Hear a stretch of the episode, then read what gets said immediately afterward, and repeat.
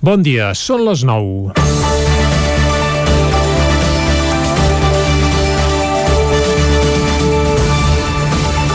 D'aquí a uns minuts sabrem si el Parlament Europeu aixeca la immunitat al president Carles Puigdemont i als consellers Toni Comín i Clara Ponsatí perquè pugui continuar la tramitació de les euroordres com demanava el Tribunal Suprem espanyol. Aquest suplicatori probablement s'aprovarà, però cal deixar clar que tots tres mantindran la condició d'europarlamentaris i també les seves prerrogatives.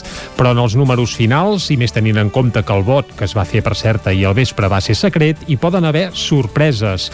El Parlament Europeu Europeu, el Partit Popular Europeu hi té 187 eurodiputats, els socialistes europeus 175 i els liberals de Renovar Europa 97. Junts, és evident que superen amb escreix la majoria absoluta dels 705 eurodiputats que hi ha a la cambra, ja que els Verds ALE només tenen 73 eurodiputats i l'Esquerra Unitària Europea 39. Els Verds i l'Esquerra Unitària precisament sumen un centenar de vots, amb què Puigdemont, Comín i Ponsatí poden comptar, i tot allò que sigui superar aquesta xifra és evident evident que afablirà políticament el procediment. El precedent de la votació a la Comissió d'Afers Jurídics, a més, fa pensar que hi pot haver fissures al bloc del sí, ja que l'informe que recomana la retirada de la immunitat va tenir 15 vots favorables, 8 contraris i dues abstencions. I això vol dir que a la comissió hi va haver més d'un eurodiputat dels tres grans grups que no va votar-hi favorablement. Un resultat inèdit en aquesta mena de votacions sobre els suplicatoris, que en la majoria dels casos acostumaven a tirar endavant per unanimitat immunitat o gairebé. Si finalment el ple els treu la immunitat, com segurament acabarà passant, el president de l'Eurocambra haurà de comunicar la decisió immediatament a les autoritats espanyoles i aquestes hauran d'informar-ne a les autoritats belgues i escoceses perquè reactivin les euroordres contra Puigdemont, Comín i Ponsatí. Però després caldrà veure si el magistrat Pablo Llarena presenta, abans de demanar de reactivar l'euroordre, unes qüestions prejudicials al Tribunal de Justícia de la Unió Europea sobre els criteris amb què es poden reformar refusar les euroordres. I és que Llarena vol qüestionar els motius amb què la justícia belga va refusar l'extradició de Lluís Puig, ja que veu a venir que passarà el mateix amb Puigdemont i Comín.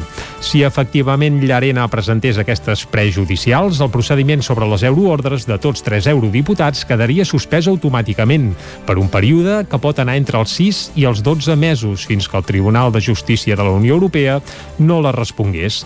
Tot plegat embolica que fa fort. Per un cantó, sembla que avui es pot produir la primera victòria espanyola en terreny europeu, però en el fons, quan s'arribi al final de tot aquest camí, el que s'acosta és la derrota de la justícia espanyola contra l'exili, ja que tot plegat podria acabar amb un procés d'impugnació del judici contra els presos que es va fer al Tribunal Suprem espanyol. I si no, Temps al temps. Comença Territori 17 a la sintonia del 9 FM, la veu de Sant Joan, Ràdio Cardedeu, Ona Codinenca i el 9 TV. Territori 17, amb Vicenç Vigues i Jordi Sunyer.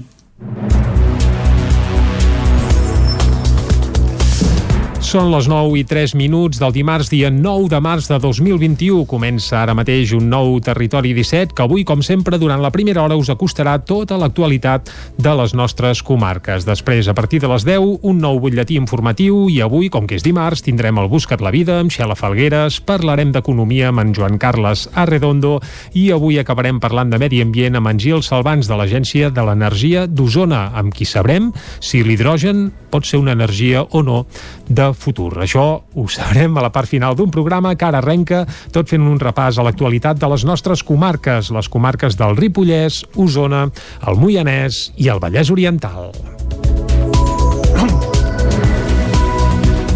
Centenars de dones van participar aquest dilluns a la manifestació per reivindicar el 8 de març a Vic. Era l'acte central del Dia de la Dona a Osona, a dos quarts de vuit del vespre de la plaça de l'estació i arrencava la manifestació del 8M a la comarca coordinada pel Comitè de Vaga Feminista d'Osona i el Lluçanès. La marxa va arrencar de la plaça de l'estació de Vic i es va dirigir a l'Hospital de la Santa Creu on les manifestants van fer un minut de silenci en record a les víctimes del coronavirus. Des d'aquest punt la manifestació manifestació van filar per la Rambla fins a arribar al passeig. Passades les 9 del vespre va finalitzar la plaça Major de Vic, on es va llegir el manifest i es va fer una crema d'objectes, un foc que el comitè va encendre per simbolitzar la lluita contra el patriarcat i tots els conceptes que es troben a l'extrem oposat del feminisme. Un centenar de dones van interrompre ahir al migdia la lectura del manifest institucional, un acte que anualment convoca l'Ajuntament de Vic per commemorar el Dia de la Dona. Amb una pancarta on podia llegir-se ens heu destrossat l'hort, l'Ajuntament no posa la vida al centre, les manifestants van denunciar la decisió del consistori biguetà de retirar els horts que membres del Comitè de Vaga Feminista d'Osona i el Lluçanès van construir aquest diumenge a la plaça de la Noguera, una acció que una trentena de dones van dur a terme com a símbol de vida i de transformació feminista. Les manifestants es van desplaçar fins a sota el campanar de l'Ajuntament on les dones del govern d'ANR llegien el manifest.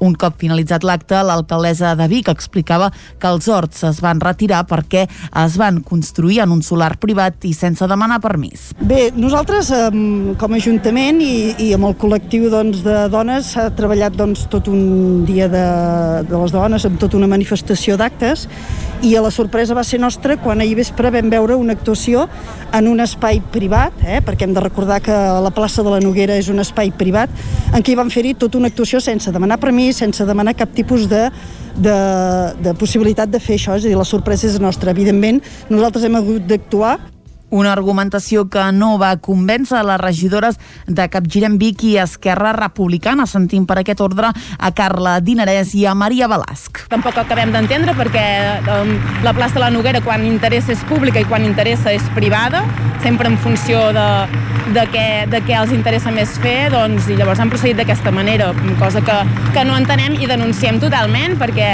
sí que uh, se sabia o s'assumia que era un acte que, um, que tard o d'hora eh, aquests horts acabarien destruïts, però el que denunciem és que s'hagi fet aquesta mateixa matinada de nit, en ple toc de queda, perquè a dos de set del matí ja estava destruït. Bueno, de fet és el posicionament de sempre d'Esquerra, ja fa molt temps en molts casos, no només aquest, que demanem que, si plau l'Ajuntament de Vic parli amb la gent, faci de mediació i faci les coses d'una manera transparent i d'una manera clara, no així eh, per darrere, d'amagat.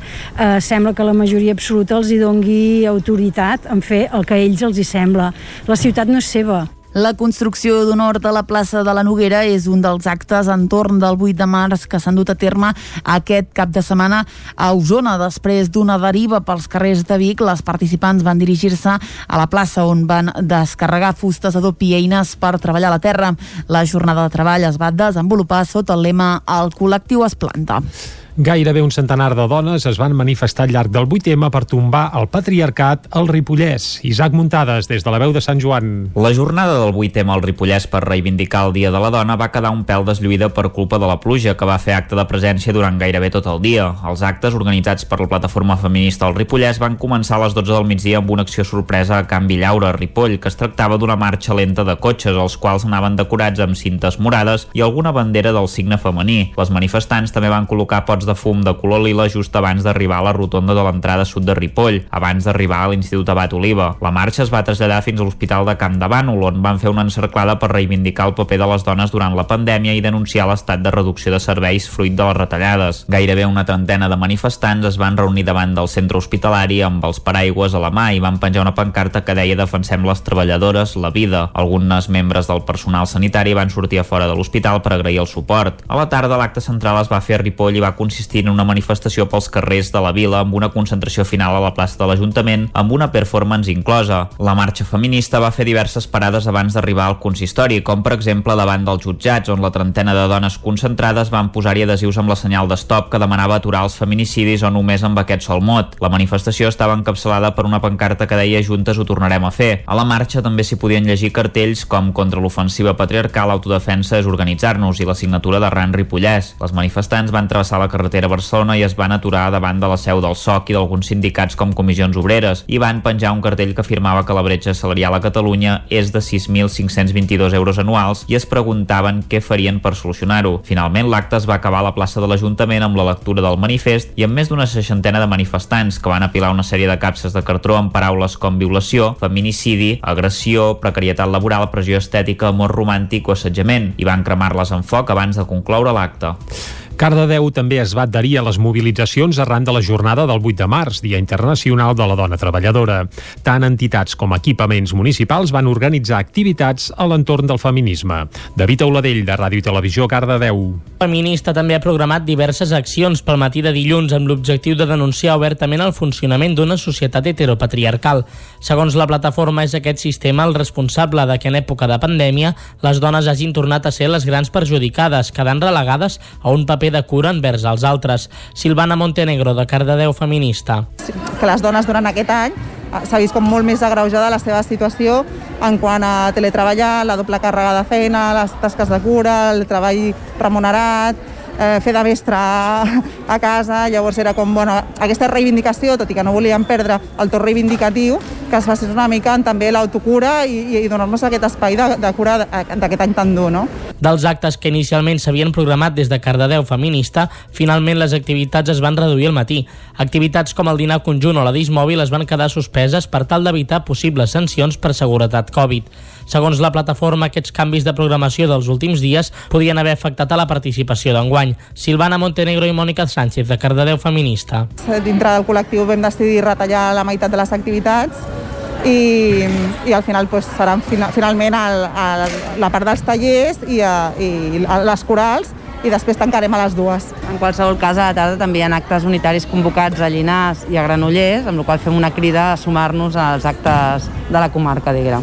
Un cop acabada la manifestació i la lectura del manifest, les activitats van continuar amb diferents tallers al voltant de la dona, com un taller de fotografia sobre el plaer femení o un de dansa uterina. La jornada es va tancar amb la cantada per part del cor en cant de Cardedeu i la coral no mixta del Baix Montseny, corals formades íntegrament per dones.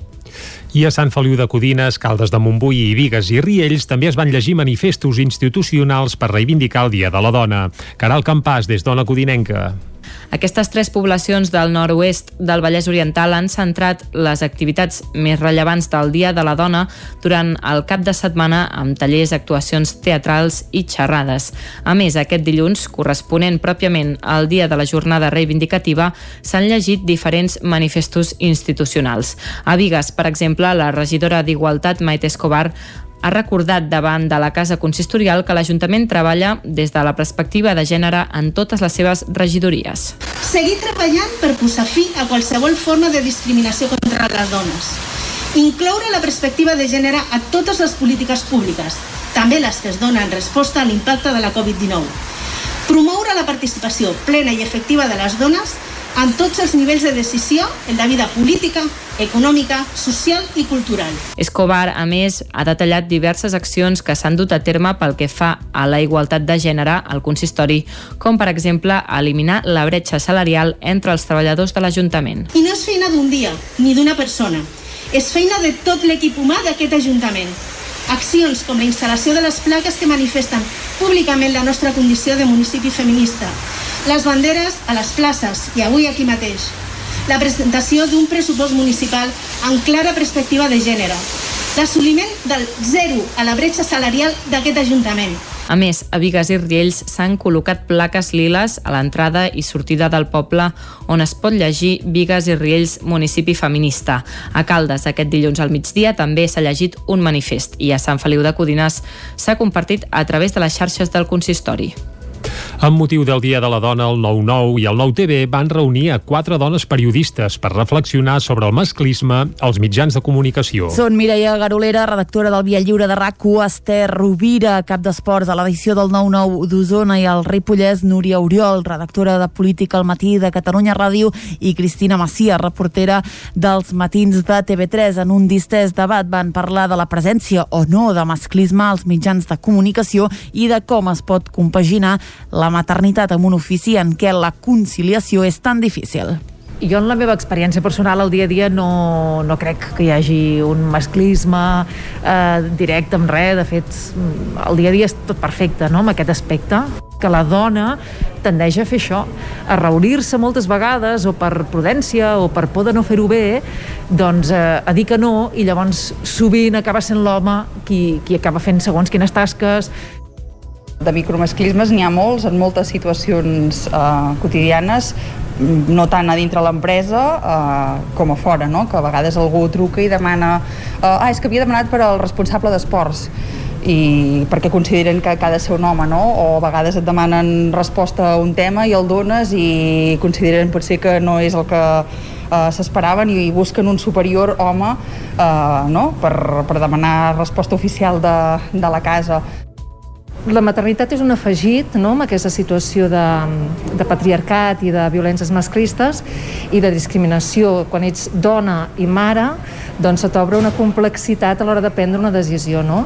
I hi ha moltes vegades que frenes una projecció professional doncs, perquè has de compatibilitzar la teva vida amb, amb menors d'edat. Incorporar els meus fills a l'actualitat, no? I per tant doncs, s'han doncs, acostumat a escoltar informatius, eh, butlletins de 324, Uh, les notícies s'ho en passen tot, els has d'anar incorporant, perquè tu has d'estar penjada de l'actualitat contínuament 24 hores, caps de setmana inclosos, i per tant la teva manera de viure amb ells, diguéssim, és incorporant-los. Totes quatre periodistes van coincidir en que l'èxit del 8 de març no arribarà fins que aquesta data deixi de ser reivindicativa per convertir-la en festiva. Mentrestant, tenen clar que continuaran pedalant.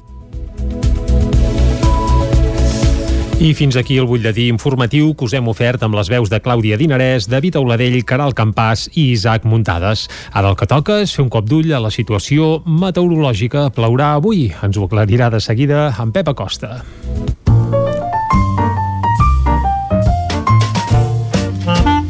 Casa Terradellos us ofereix el temps. Un Pep Acosta que ja ens espera a l'altra banda del fil telefònic i el saludem de seguida. Pep, molt bon dia. Hola, molt bon dia. Bon dia, Què bon tal dia. esteu? Bé, Com anar va fent, tot? Anar fent... Avui, per fi, després de molts dies, uh Mhm. -huh. poder més d'una setmana, sí, sí, més d'una setmana, d'aquests vents de sud, de pos en suspensió, d'ambient pesat, de molt, mal, de molt mala visibilitat, avui veurem el cel blau. Per fi! Eh, hi ha molta gent ja no se'n recordava de, qui- de quin color gairebé era el cel. Doncs avui sí que veurem el cel blau aquest matí, sobretot al matí només, eh? Mm, dic això, eh? Només al matí, perquè a la tarda tindrem nuvolades i potser precipitacions. Però no ens precipitem, vaig de redundància, i anem a poc a poc. Està fent fred. Avui és una de les nits més fredes, jo diria, de l'últim mes, mes i mig. En tot el febrer gairebé no havíem tingut una nit tan freda com aquesta. 7 graus sota 0 i de Ter, 3 sota 0 a Núria, 1 sota 0 a Sant Pau de Segúries i moltes mínimes eh, a Osona, Vallès, Moianès, entre el 0 i els 5 graus. Feia molt que no tenim aquestes temperatures. Mhm. eh, abrigueu-vos si encara no heu sortit de casa, Uh, però bueno, mm, les temperatures al migdia també seran agradables, eh? no, no farà el fred que fa ara. Per què? Per què veurem avui el cel blau? Per què fa més fred a aquesta hora? Doncs perquè hi ha hagut un canvi de, de vents, hi ha hagut un canvi de panorama meteorològic i comencen a bufar vents del nord. Avui han bufat vent del nord i, per tant, eh, s'han portat tota aquesta massa d'aire més càlida, eh, tota aquesta posa en suspensió, s'ho han portat tot. I, I també ha fet que baixés la temperatura. Eh, fa que faci més fred aquest matí. Com deia, al matí farà sol. Ambient assolellat, eh, però ràpidament veurem com creixen les nuvolades. I de cara a la tarda, migdia, primers sols de la tarda, ja hauran crescut importantment aquestes nuvolades. Eh, seran nuvolades de, de primavera. Poden deixar tempestes, principalment zones de muntanya. Pirineu, Guilleries, Montseny i Serra Transversal. Eh, en principi deixant quantitats de precipitació minces, però localment poden ser moderades i en forma de tempesta. Jo crec que, com a molt, entre 10 i 15 litres, si bé la majoria dels registres entre el 0 i el 5. No plourà a tots els llocs. No estic dient que serà una tarda de pluja general, ni molt menys. Serà una tarda de nuvolades i d'algunes pluges puntuals. Eh, eh, com deia, principalment a les zones de muntanya. A les zones habitades plourà menys. Però sí que és possible, sí que és possible que caigui alguna precipitació. Les temperatures màximes pujaran. Mhm. Uh, ahir, com que va estar també molt ennuvolat, uh, vam tenir una mica de pluja, no vam passar la majoria de les poblacions dels 10, entre els 10 i els 13 graus. Doncs avui, a més llocs, arribarem als 14, 15, 16, 17 graus. Uh, també destacar això, l'amplitud tèrmica. Mm, aquests últims dies tenim unes temperatures mínimes força altes i unes màximes bastant baixes. Hi havia poca amplitud tèrmica. Ara avui n'hi haurà bastanta, eh? molt contrast entre el dia i la nit. Això també és degut a aquesta, a aquest canvi de, de situació meteorològica, aquesta entrada de vent de nord que fa això, que hi hagi temperatures mínimes més fredes i les màximes més altes. Moltes gràcies i a disfrutar d'aquest dimarts. Vinga, Adéu. en gaudirem, en gaudirem d'aquest dimarts. Moltes gràcies, Pep, per acostar-nos un dia més a tota la informació meteorològica aquí a Territori 17. Ara el que ens toca és anar d'excursió cap al quiosc per saber què diuen les portades de la premsa d'avui. Anem-hi. Casa Tarradellas us ha ofert aquest espai. Territori 17.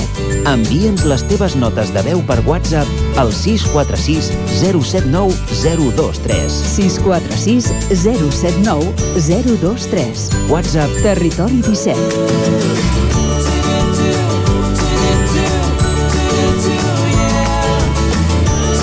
Territori 17. Som a Facebook, Twitter i Instagram amb l'usuari Territori 17.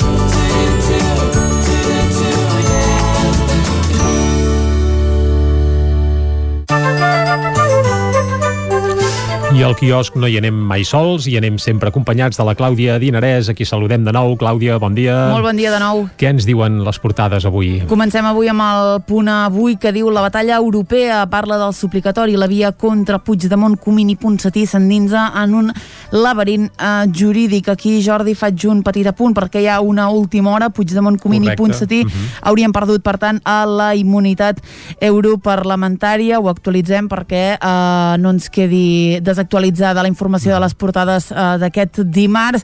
Eh, seguim amb el punt avui que diu el clam per la igualtat surt al carrer.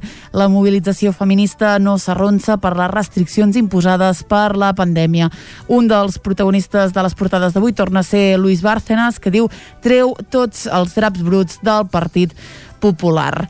El diari Ara, Bárcenas acusa el Partit Popular precisament d'haver-lo volgut subornar. Assegura que el partit li va oferir mig milió d'euros a canvi de manipular les notes de la Caixa B. A la imatge predomina el lila de nou, i diu més protesta que vaga. Avui també eh, són protagonistes Meghan Markle i Enric, que denuncien els, el racisme, diu, de la Casa Reial. Diu nou cop a la monarquia britànica. Un titular que a partir d'ara anirem veient a la resta de portades. També veiem a la porta, que diu fitxa el CEO mundial de Media Market.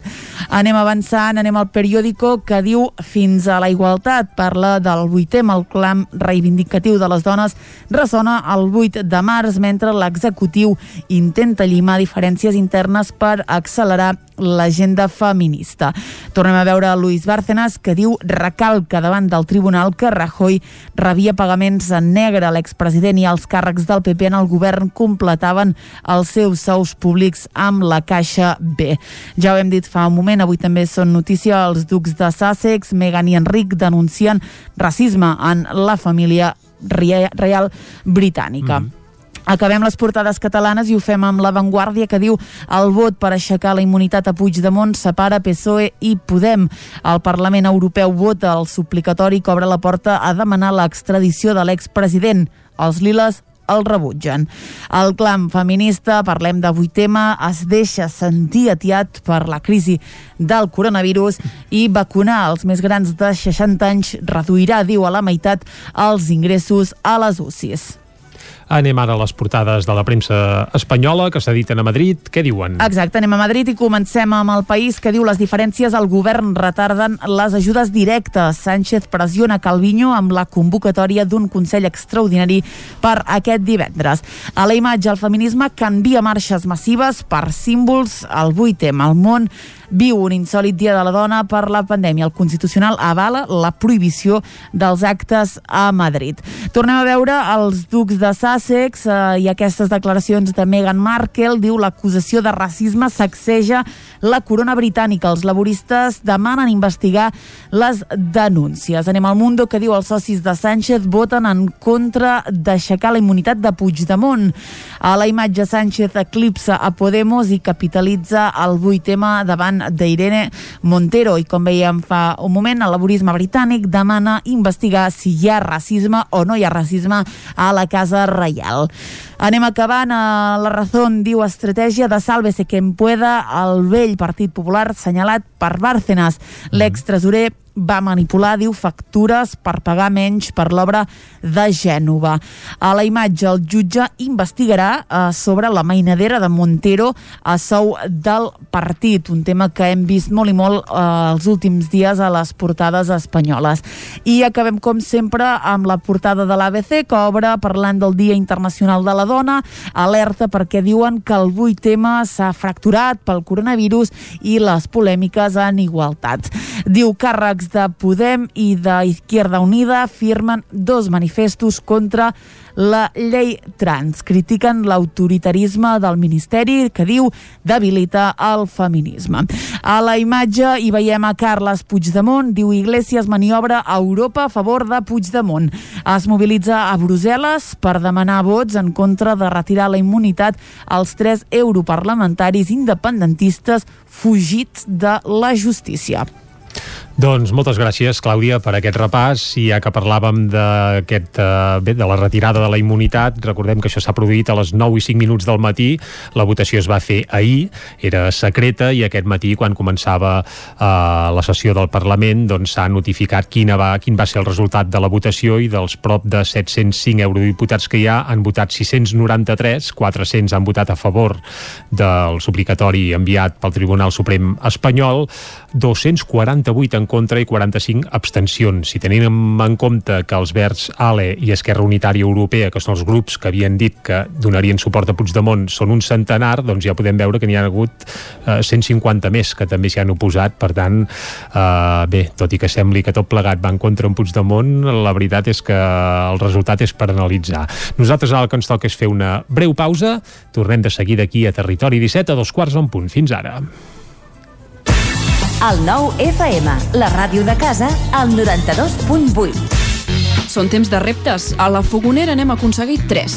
Servir arrossos d'estrella per emportar i a un preu de justícia. Aquest hivern tenim l'arròs de calçots en tempura. La Fogonera, la rosseria de paelles per emportar a GURB i que també et portem a casa. Telèfon 93 851 55 75 i a lafogonera.cat. I quan cau la nit, Popurrí Culinari, solucions per sopar les nits de divendres i dissabte. Entra a popurriculinari.cat i tria.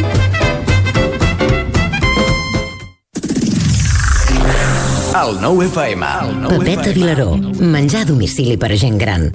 Menús saludables i adaptats segons les seves necessitats. Per viure més temps a casa amb millor salut i qualitat de vida. Informa-te'n al 931 31 71 81 o a pepetavilaró.cat. Pepeta Vilaró, la salut i el benestar dels nostres avis comença per cuidar el que mengen.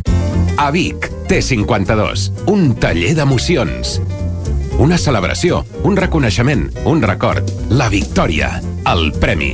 Tenim una solució personalitzada per a cada ocasió. Ens trobaràs al centre, al carrer 941 i també a l'Horta Vermella, al carrer Menéndez Pelayo 31. Més informació a t52.cat.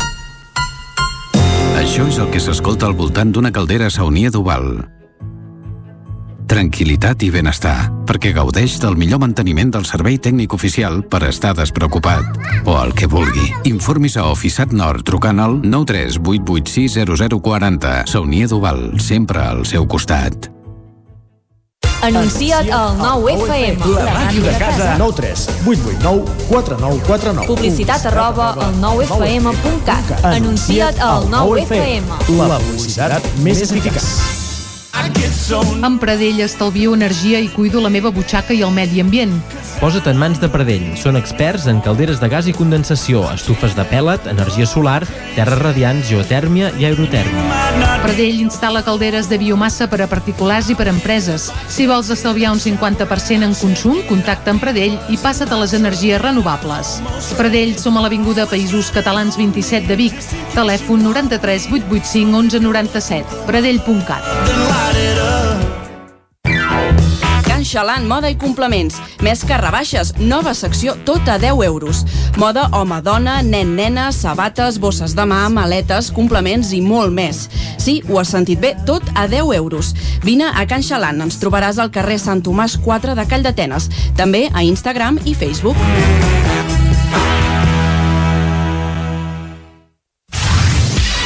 El nou FM, el nou FM, el nou FM, el nou FM, el nou FM. Territori 17, amb Vicenç Vigues i Jordi Sunyer. Dos quarts de deu en punt del matí, seguim en directe aquí a Territori 17, acostant-vos de seguida tota l'actualitat de les nostres comarques, les comarques del Ripollès, Osona, el Moianès i el Vallès Oriental. Després, a partir de les 10, un cop us hàgim acostat això de nou tota l'actualitat de casa nostra, avui, com que som dimarts, tindrem el Buscat la Vida amb la Txela Falgueres, també parlarem d'economia amb en Joan Carles Arredondo i avui acabarem parlant de medi ambient amb en Gil Salvans de l'Agència de l'Energia d'Osona. Avui ens explicarà si té algun futur o no l'hidrogen com a combustible, per exemple. En sabrem els detalls a la part final d'un programa que ara segueix i segueix acostant-vos de nou l'actualitat de casa nostra, l'actualitat de les comarques del Ripollès, Osona, el Moianès i el Vallès Oriental. Centenars de dones van participar aquest dilluns a la manifestació per reivindicar el 8 de març a Vic. Era l'acte central del Dia de la Dona a Osona, a dos quarts de vuit del vespre de la plaça de l'estació i arrencava la manifestació del 8M a la comarca coordinada pel Comitè de Vaga Feminista d'Osona i el Lluçanès. La marxa va arrencar de la plaça de l'estació de Vic i es va dirigir a l'Hospital de la Santa Creu on les manifestants van fer un minut de silenci en record a les víctimes del coronavirus. Des d'aquest punt la manifestació va enfilar per la Rambla fins a arribar al passeig.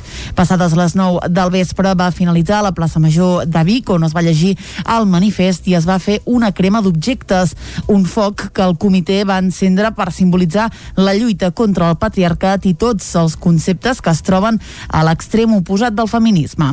Un centenar de dones van interrompre ahir al migdia la lectura del manifest institucional, un acte que anualment convoca l'Ajuntament de Vic per commemorar el Dia de la Dona. Amb una pancarta on podia llegir-se ens heu destrossat l'hort, l'Ajuntament no posa la vida al centre. Les manifestants van denunciar la decisió del consistori biguetà de retirar els horts que membres del Comitè de Vaga Feminista d'Osona i el Lluçanès van construir aquest diumenge a la plaça de la Noguera, una acció que una trentena de dones van dur a terme com a símbol de vida i de transformació feminista. Les manifestants es van desplaçar fins a sota el campanar de l'Ajuntament on les dones del govern d'ANR llegien el manifest.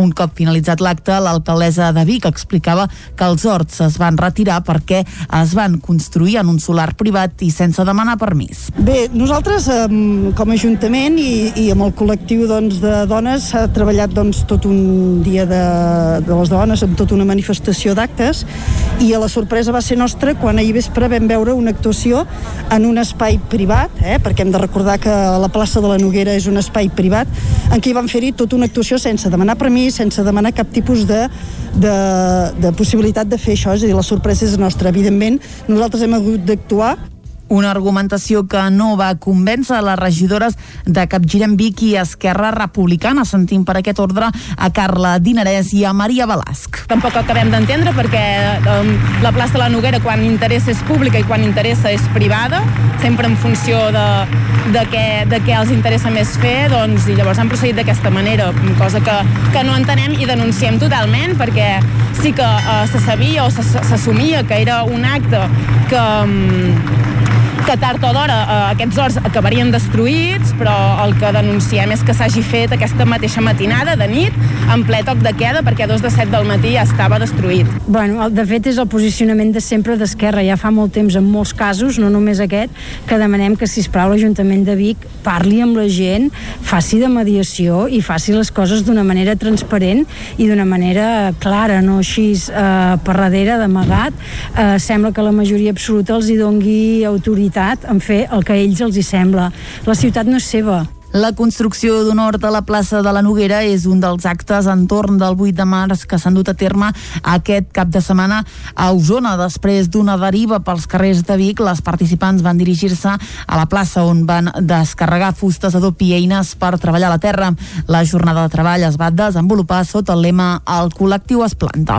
Gairebé un centenar de dones es van manifestar al llarg del 8M per tombar el patriarcat al Ripollès. Isaac Muntades, des de la veu de Sant Joan. La jornada del 8M al Ripollès per reivindicar el Dia de la Dona va quedar un pèl deslluïda per culpa de la pluja que va fer acte de presència durant gairebé tot el dia. Els actes organitzats per la plataforma feminista al Ripollès van començar a les 12 del migdia amb una acció sorpresa a Can Villaura, Ripoll, que es tractava d'una marxa lenta de cotxes, els quals anaven decorats amb cintes morades i alguna bandera del signe femení. Les manifestants també van col·locar pots de fum de color lila just abans d'arribar a la rotonda de l'entrada sud de Ripoll, abans d'arribar a l'Institut Abat Oliva. La marxa es va traslladar fins a l'Hospital de Camp de Bànol, on van fer una encerclada per reivindicar el paper de les dones durant la pandèmia i denunciar l'estat de reducció de serveis fruit de les retallades. Gairebé una trentena de manifestants es van reunir davant del centre hospitalari amb els paraigües a la mà i van penjar una pancarta que deia defensem les treballadores, la vida. Algunes membres del personal sanitari van sortir a fora de l'hospital per agrair el suport. A la tarda l'acte central es va fer a Ripoll i va consistir en una manifestació pels carrers de la vila amb una concentració final a la plaça de l'Ajuntament amb una performance inclosa. La marxa feminista va fer diverses parades abans d'arribar al consistori, com per exemple davant dels jutjats, on la trentena de dones concentrades van posar-hi adhesius amb la senyal d'estop que demanava aturar els feminicidis o només amb aquest sol mot. La manifestació estava encapçalada per una pancarta que deia Juntes ho tornarem a fer. A la marxa també s'hi podien llegir cartells com contra l'ofensiva patriarcal, autodefensa és organitzar-nos i la signatura de Ran Ripollès. Les manifestants van travessar la carretera Barcelona i es van aturar davant de la seu del SOC i d'alguns sindicats com comissions obreres i van penjar un cartell que afirmava que la bretxa salarial a Catalunya és de 6.522 euros anuals i es preguntaven què farien per solucionar-ho. Finalment, l'acte es va acabar a la plaça de l'Ajuntament amb la lectura del manifest i amb més d'una seixantena de manifestants que van apilar una sèrie de capses de cartró amb paraules com violació, feminicidi, agressió, precarietat laboral, pressió estètica, amor romàntic o assetjament i van cremar-les en foc abans de concloure l'acte. Cardedeu també es va adherir a les mobilitzacions arran de la jornada del 8 de març, Dia Internacional de la Dona Treballadora. Tant entitats com equipaments municipals van organitzar activitats a l'entorn del feminisme. David Auladell, de Ràdio i Televisió, Cardedeu. Feminista també ha programat diverses accions pel matí de dilluns amb l'objectiu de denunciar obertament el funcionament d'una societat heteropatriarcal. Segons la plataforma, és aquest sistema el responsable de que en època de pandèmia les dones hagin tornat a ser les grans perjudicades, quedant relegades a un paper de cura envers els altres. Silvana Montenegro, de Cardedeu Feminista. que les dones durant aquest any eh, s'ha vist com molt més agreujada la seva situació en quant a teletreballar, la doble càrrega de feina, les tasques de cura, el treball remunerat, eh, fer de mestre a, a casa, llavors era com, bueno, aquesta reivindicació, tot i que no volíem perdre el to reivindicatiu, que es facés una mica en també l'autocura i, i donar-nos aquest espai de, de cura d'aquest any tan dur, no? Dels actes que inicialment s'havien programat des de Cardedeu Feminista, finalment les activitats es van reduir al matí. Activitats com el dinar conjunt o la dismòbil es van quedar suspeses per tal d'evitar possibles sancions per seguretat Covid. Segons la plataforma, aquests canvis de programació dels últims dies podien haver afectat a la participació d'enguany. Silvana Montenegro i Mònica Sánchez, de Cardedeu Feminista. Dintre del col·lectiu vam decidir retallar la meitat de les activitats i, i al final pues, seran fina, finalment el, el, la part dels tallers i, a, i a les corals i després tancarem a les dues. En qualsevol cas, a la tarda també hi ha actes unitaris convocats a Llinars i a Granollers, amb la qual fem una crida a sumar-nos als actes de la comarca, diguem. Un cop acabada la manifestació i la lectura del manifest, les activitats van continuar amb diferents tallers al voltant de la dona, com un taller de fotografia sobre el plaer femení o un de dansa uterina. La jornada es va tancar amb la cantada per part del cor en cant de Cardedeu i la coral no mixta del Baix Montseny, corals formades íntegrament per dones. I a Sant Feliu de Codines, Caldes de Montbui i Vigues i Riells també es van llegir manifestos institucionals per reivindicar el Dia de la Dona. Caral Campàs, des d'Ona Codinenca. Aquestes tres poblacions del nord-oest del Vallès Oriental han centrat les activitats més rellevants del Dia de la Dona durant el cap de setmana amb tallers, actuacions teatrals i xerrades. A més, aquest dilluns, corresponent pròpiament al dia de la jornada reivindicativa, s'han llegit diferents manifestos institucionals. A Vigues, per exemple, la regidora d'Igualtat, Maite Escobar, ha recordat davant de la Casa Consistorial que l'Ajuntament treballa des de la perspectiva de gènere en totes les seves regidories. Seguir treballant per posar fi a qualsevol forma de discriminació contra les dones. Incloure la perspectiva de gènere a totes les polítiques públiques, també les que es donen resposta a l'impacte de la Covid-19.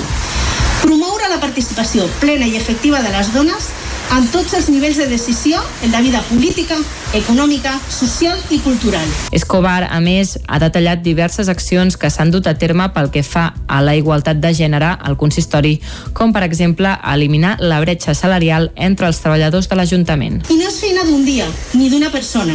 És feina de tot l'equip humà d'aquest Ajuntament. Accions com la instal·lació de les plaques que manifesten públicament la nostra condició de municipi feminista, les banderes a les places i avui aquí mateix, la presentació d'un pressupost municipal amb clara perspectiva de gènere, l'assoliment del zero a la bretxa salarial d'aquest Ajuntament, A més, a Vigues i Riells s'han col·locat plaques liles a l'entrada i sortida del poble on es pot llegir Vigues i Riells municipi feminista. A Caldes, aquest dilluns al migdia, també s'ha llegit un manifest i a Sant Feliu de Codinàs s'ha compartit a través de les xarxes del consistori. Amb motiu del Dia de la Dona, el 9-9 i el 9-TV van reunir a quatre dones periodistes per reflexionar sobre el masclisme als mitjans de comunicació. Són Mireia Garolera, redactora del Via Lliure de rac Esther Rovira, cap d'esports a l'edició del 9-9 d'Osona i el Ripollès, Núria Oriol, redactora de Política al matí de Catalunya Ràdio i Cristina Macia, reportera dels matins de TV3. En un distès debat van parlar de la presència o no de masclisme als mitjans de comunicació i de com es pot compaginar la maternitat amb un ofici en què la conciliació és tan difícil. Jo en la meva experiència personal al dia a dia no, no crec que hi hagi un masclisme eh, directe amb res, de fet mm, el dia a dia és tot perfecte no? amb aquest aspecte que la dona tendeix a fer això, a reunir-se moltes vegades o per prudència o per por de no fer-ho bé, doncs eh, a dir que no i llavors sovint acaba sent l'home qui, qui acaba fent segons quines tasques de micromasclismes n'hi ha molts en moltes situacions eh, quotidianes no tant a dintre l'empresa eh, com a fora, no? que a vegades algú truca i demana eh, ah, és que havia demanat per al responsable d'esports i perquè consideren que, que ha de ser un home no? o a vegades et demanen resposta a un tema i el dones i consideren potser que no és el que eh, s'esperaven i busquen un superior home eh, no? per, per demanar resposta oficial de, de la casa la maternitat és un afegit no, amb aquesta situació de, de patriarcat i de violències masclistes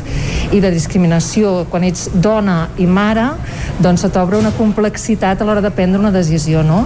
I hi ha moltes vegades que frenes una projecció professional doncs, perquè has de compatibilitzar la teva vida amb, amb menors d'edat incorporar els meus fills a l'actualitat, no? I per tant doncs, s'han acostumat a escoltar informatius, a butlletins de 324, a les notícies, s'ho en passen tot, els has d'anar incorporant, perquè tu has d'estar penjada de l'actualitat contínuament 24 hores, caps de setmana inclosos, i per tant la teva manera de viure amb ells, diguéssim, és incorporant-los. Totes quatre periodistes van coincidir en que l'èxit del 8 de març no arribarà fins que aquesta data deixi de ser reivindicativa per convertir-la en festiva. Mentrestant, tenen clar que continuaran pedalant. I fins aquí el butlletí informatiu que us hem ofert amb les veus de Clàudia Dinarès, David Auladell, Caral Campàs i Isaac Muntades. Ara el que toca és fer un cop d'ull a la situació meteorològica. Plourà avui. Ens ho aclarirà de seguida en Pep Acosta.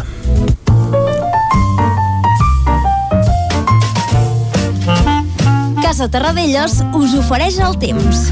Un Pep Acosta que ja ens espera a l'altra banda del fil telefònic i el saludem de seguida. Pep, molt bon dia. Hola, molt bon dia. Bon dia, Què bon tal dia. esteu? Bé, Com va fent, tot? Anar fent... Avui, per fi, després de molts dies, uh Mhm.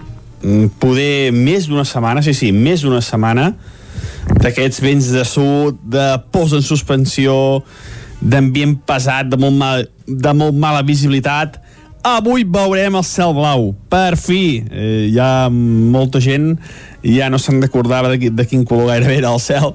Doncs avui sí que veurem el cel blau aquest matí, sobretot al matí només, eh? Mm, dic això, eh? Només al matí, perquè a la tarda tindrem nuvolades i potser precipitacions. Però no ens precipitem, vaig la redundància, i anem a poc a poc. Està fent fred. Avui és una de les nits més fredes, jo diria, de l'últim mes, mes i mig. En tot el febrer gairebé no havíem tingut una nit tan freda com aquesta. 7 graus sota zero i de Ter, 3 sota zero a Núria, 1 sota zero a Sant Pau de Segúries i moltes mínimes eh, a Osona, Vallès, Mollanès, entre el 0 i els 5 graus.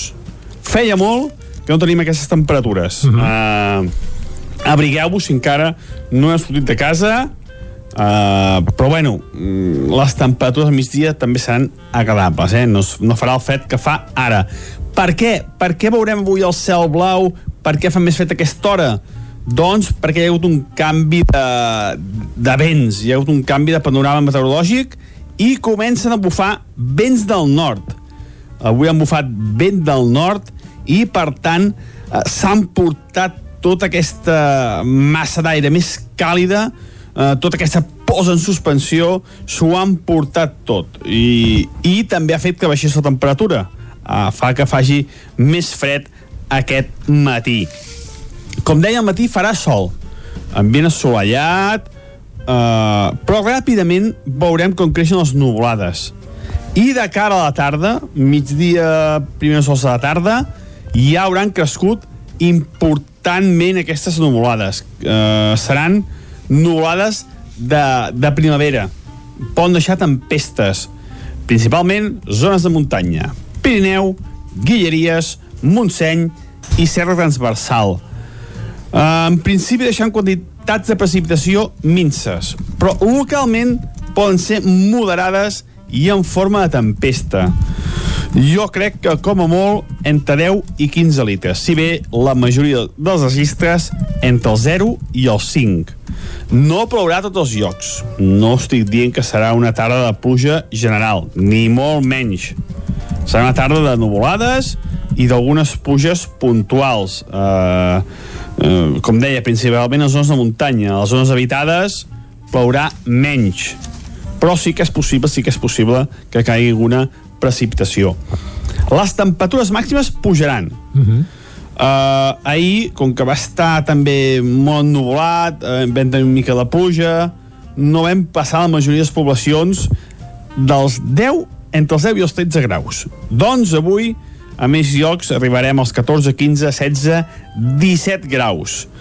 Uh, també destacar això, l'amplitud tèrmica. Mm, aquests últims dies tenim unes temperatures mínimes força altes i unes màximes bastant baixes. Hi havia poca amplitud tèrmica. Ara avui n'hi haurà bastanta, eh? molt contrast entre el dia i la nit. Això també és degut a aquesta, a aquest canvi de, de situació meteorològica, aquesta entrada de vent de nord que fa això, que hi hagi temperatures mínimes més fredes i les màximes més altes. Moltes gràcies i a disfrutar d'aquest dimarts. Vinga, Adéu. en gaudirem, en gaudirem d'aquest dimarts. Moltes gràcies, Pep, per acostar-nos un dia més a tota la informació meteorològica aquí a Territori 17. Ara el que ens toca és anar d'excursió cap al quiosc per saber què diuen les portades de la premsa d'avui. Anem-hi. Casa Tarradellas us ha ofert aquest espai.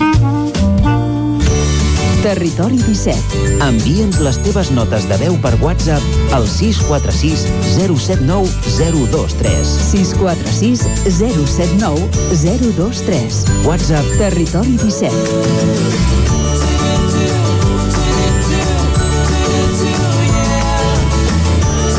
Territori 17. Som a Facebook, Twitter i Instagram amb l'usuari Territori 17.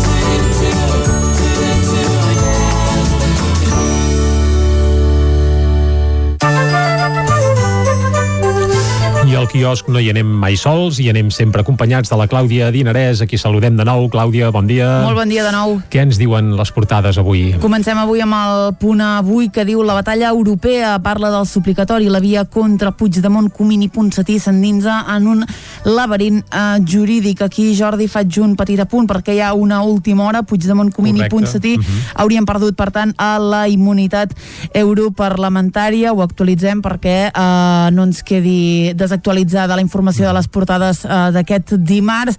Eh, seguim amb el punt avui que diu el clam per la igualtat surt al carrer. La mobilització feminista no s'arronsa per les restriccions imposades per la pandèmia. Un dels protagonistes de les portades d'avui torna a ser Luis Bárcenas, que diu treu tots els draps bruts del Partit Popular. El diari Ara Bárcenas acusa el Partit Popular precisament d'haver-lo volgut subornar assegura que el partit li va oferir mig milió d'euros a canvi de manipular les notes de la Caixa B. A la imatge predomina el lila de nou i diu més protesta que vaga. Avui també eh, són protagonistes Meghan Markle i Enric, que denuncien els, el racisme, diu, de la Casa Reial. Diu nou cop a la monarquia britànica. Un titular que a partir d'ara anirem veient a la resta de Sí, com, portades. servei- També veiem a la porta, que diu fitxa el CEO mundial de Media Market. Anem avançant, anem al periòdico que diu fins a la igualtat. Parla del 8 el clam reivindicatiu de les dones ressona el 8 de març, mentre l'executiu intenta llimar diferències internes per accelerar l'agenda feminista. Tornem a veure Luis Bárcenas, que diu recalca davant del tribunal que Rajoy rebia pagaments en negre. L'expresident i els càrrecs del PP en el govern completaven els seus sous públics amb la Caixa B. Ja ho hem dit fa un moment, avui també són notícia els ducs de Sussex, Meghan i Enric denuncien racisme en la família reial britànica. Mm -hmm. Acabem les portades catalanes i ho fem amb l'avantguàrdia que diu el vot per aixecar la immunitat a Puigdemont separa PSOE i Podem. El Parlament Europeu vota el suplicatori que obre la porta a demanar l'extradició de l'expresident. Els liles el rebutgen. El clam feminista, parlem d'avui tema, es deixa sentir atiat per la crisi del coronavirus i vacunar els més grans de 60 anys reduirà, diu, a la meitat els ingressos a les UCIs. Anem ara a les portades de la premsa espanyola que s'editen a Madrid. Què diuen? Exacte, anem a Madrid i comencem amb el país que diu les diferències al govern retarden les ajudes directes. Sánchez pressiona Calviño amb la convocatòria d'un Consell extraordinari per aquest divendres. A la imatge, el feminisme canvia marxes massives per símbols al 8M. El món viu un insòlid dia de la dona per la pandèmia. El Constitucional avala la prohibició dels actes a Madrid. Tornem a veure els ducs de Sussex eh, i aquestes declaracions de Meghan Markle. Diu l'acusació de racisme sacseja la corona britànica. Els laboristes demanen investigar les denúncies. Anem al Mundo que diu els socis de Sánchez voten en contra d'aixecar la immunitat de Puigdemont. A la imatge Sánchez eclipsa a Podemos i capitalitza el 8M davant d'Irene Montero. I com veiem fa un moment, el laborisme britànic demana investigar si hi ha racisme o no hi ha racisme a la Casa Reial.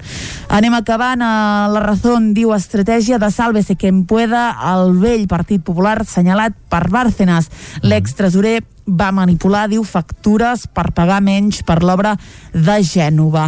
A la imatge, el jutge investigarà eh, sobre la mainadera de Montero a sou del partit, un tema que hem vist molt i molt eh, els últims dies a les portades espanyoles. I acabem, com sempre, amb la portada de l'ABC, que obre parlant del Dia Internacional de la Dona, alerta perquè diuen que el 8M s'ha fracturat pel coronavirus i les polèmiques en igualtat. Diu càrrecs de Podem i de Izquierda Unida firmen dos manifestos contra la llei trans. Critiquen l'autoritarisme del Ministeri que diu debilita el feminisme. A la imatge hi veiem a Carles Puigdemont, diu Iglesias maniobra a Europa a favor de Puigdemont. Es mobilitza a Brussel·les per demanar vots en contra de retirar la immunitat als tres europarlamentaris independentistes fugits de la justícia.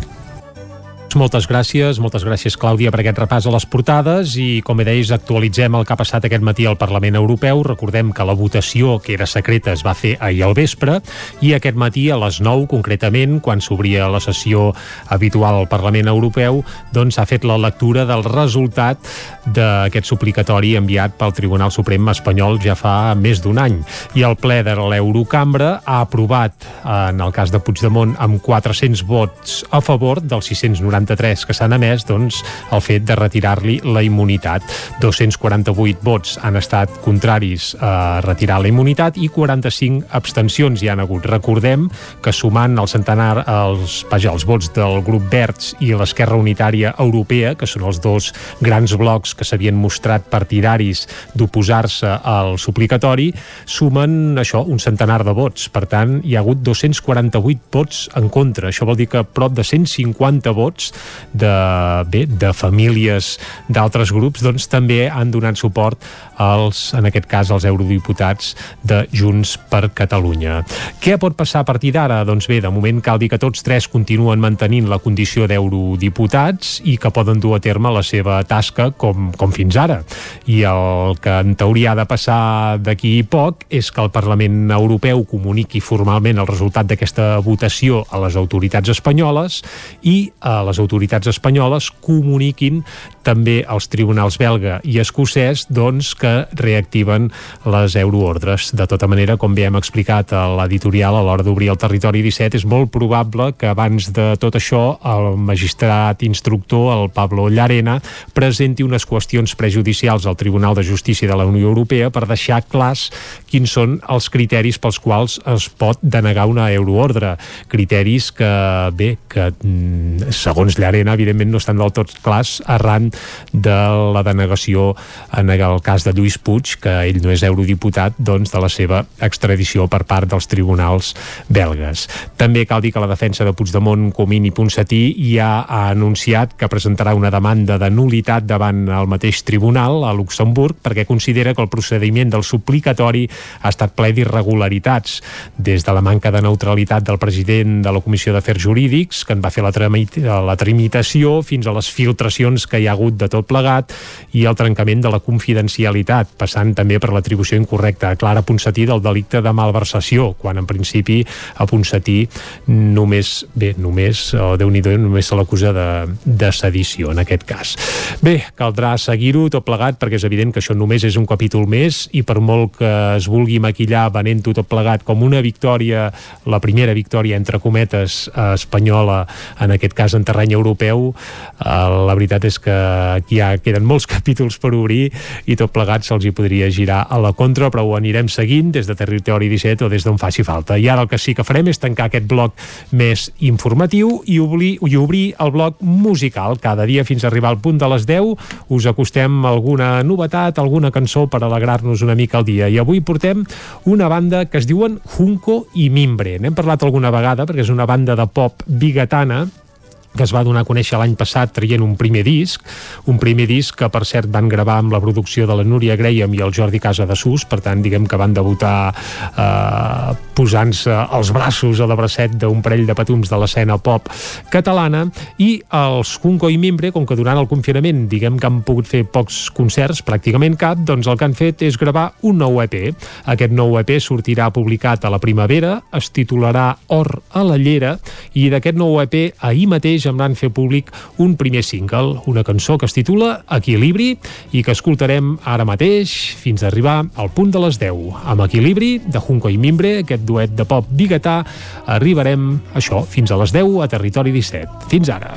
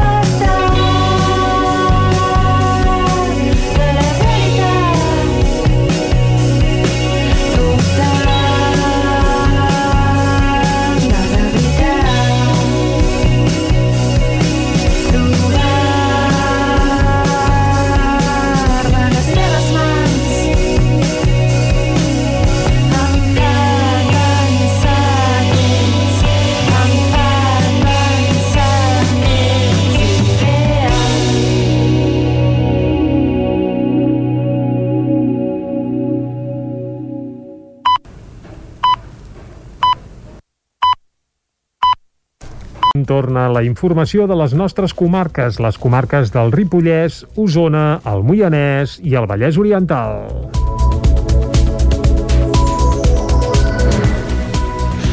Els Mossos d'Esquadra han desarticulat un grup de lladres a qui atribueixen més de 12 furts a diferents municipis catalans, un d'ells Roda de Ter. Segons la investigació policial, els robatoris els cometien principalment en empreses logístiques.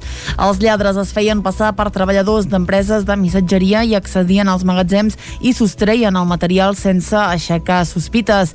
Van ser descoberts, però, en un dels robatoris. Quan el personal d'un magatzem els va descobrir, van respondre amb violència i van fugir. Els Mossos han detingut tres homes, tot i que la investigació continua oberta i no es descarta que hi pugui haver més detencions. Dos dels arrestats van quedar en llibertat amb càrrecs, mentre que un va reingressar a presó per una causa pendent. Entre tots tres acumulaven més d'un centenar d'antecedents. Declara al jutjat de Vic el noi que va ser detingut en una concentració davant de l'edifici el passat 18 de febrer. El jove va compareixer aquest dilluns al migdia davant del jutge. Una trentena de persones li van donar suport inicialment amb pancartes on podia llegir-se absolució en causades i prou repressió i assegurant que la seva detenció va ser arbitrària. La quantitat de persones concentrades va créixer més tard fins a superar el centenar.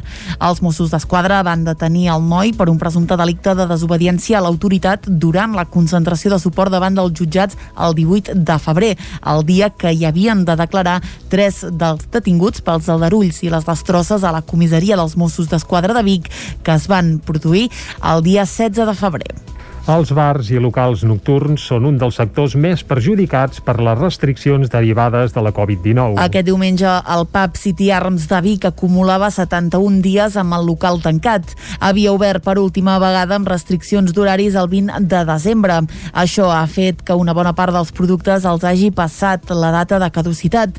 En una acció reivindicativa diumenge a la tarda entre les 5 i les 8 del vespre, el local va obrir portes per regalar refrescos, cerveses o patates fregides caducades als clients que compraven una beguda a la barra. I Bet Borralleres és l'encarregada del City Arms. fer com un servei de takeaway avui, on la gent pot venir a comprar tots aquells productes que encara estan bé i que encara bueno, es poden vendre i estan bons, i, i llavors, per altra banda, per cada un d'aquests productes que compren se'n poden emportar un que ja se'ls ha passat la data de caducitat, que òbviament estan en perfecte estat, però que ja no podem vendre.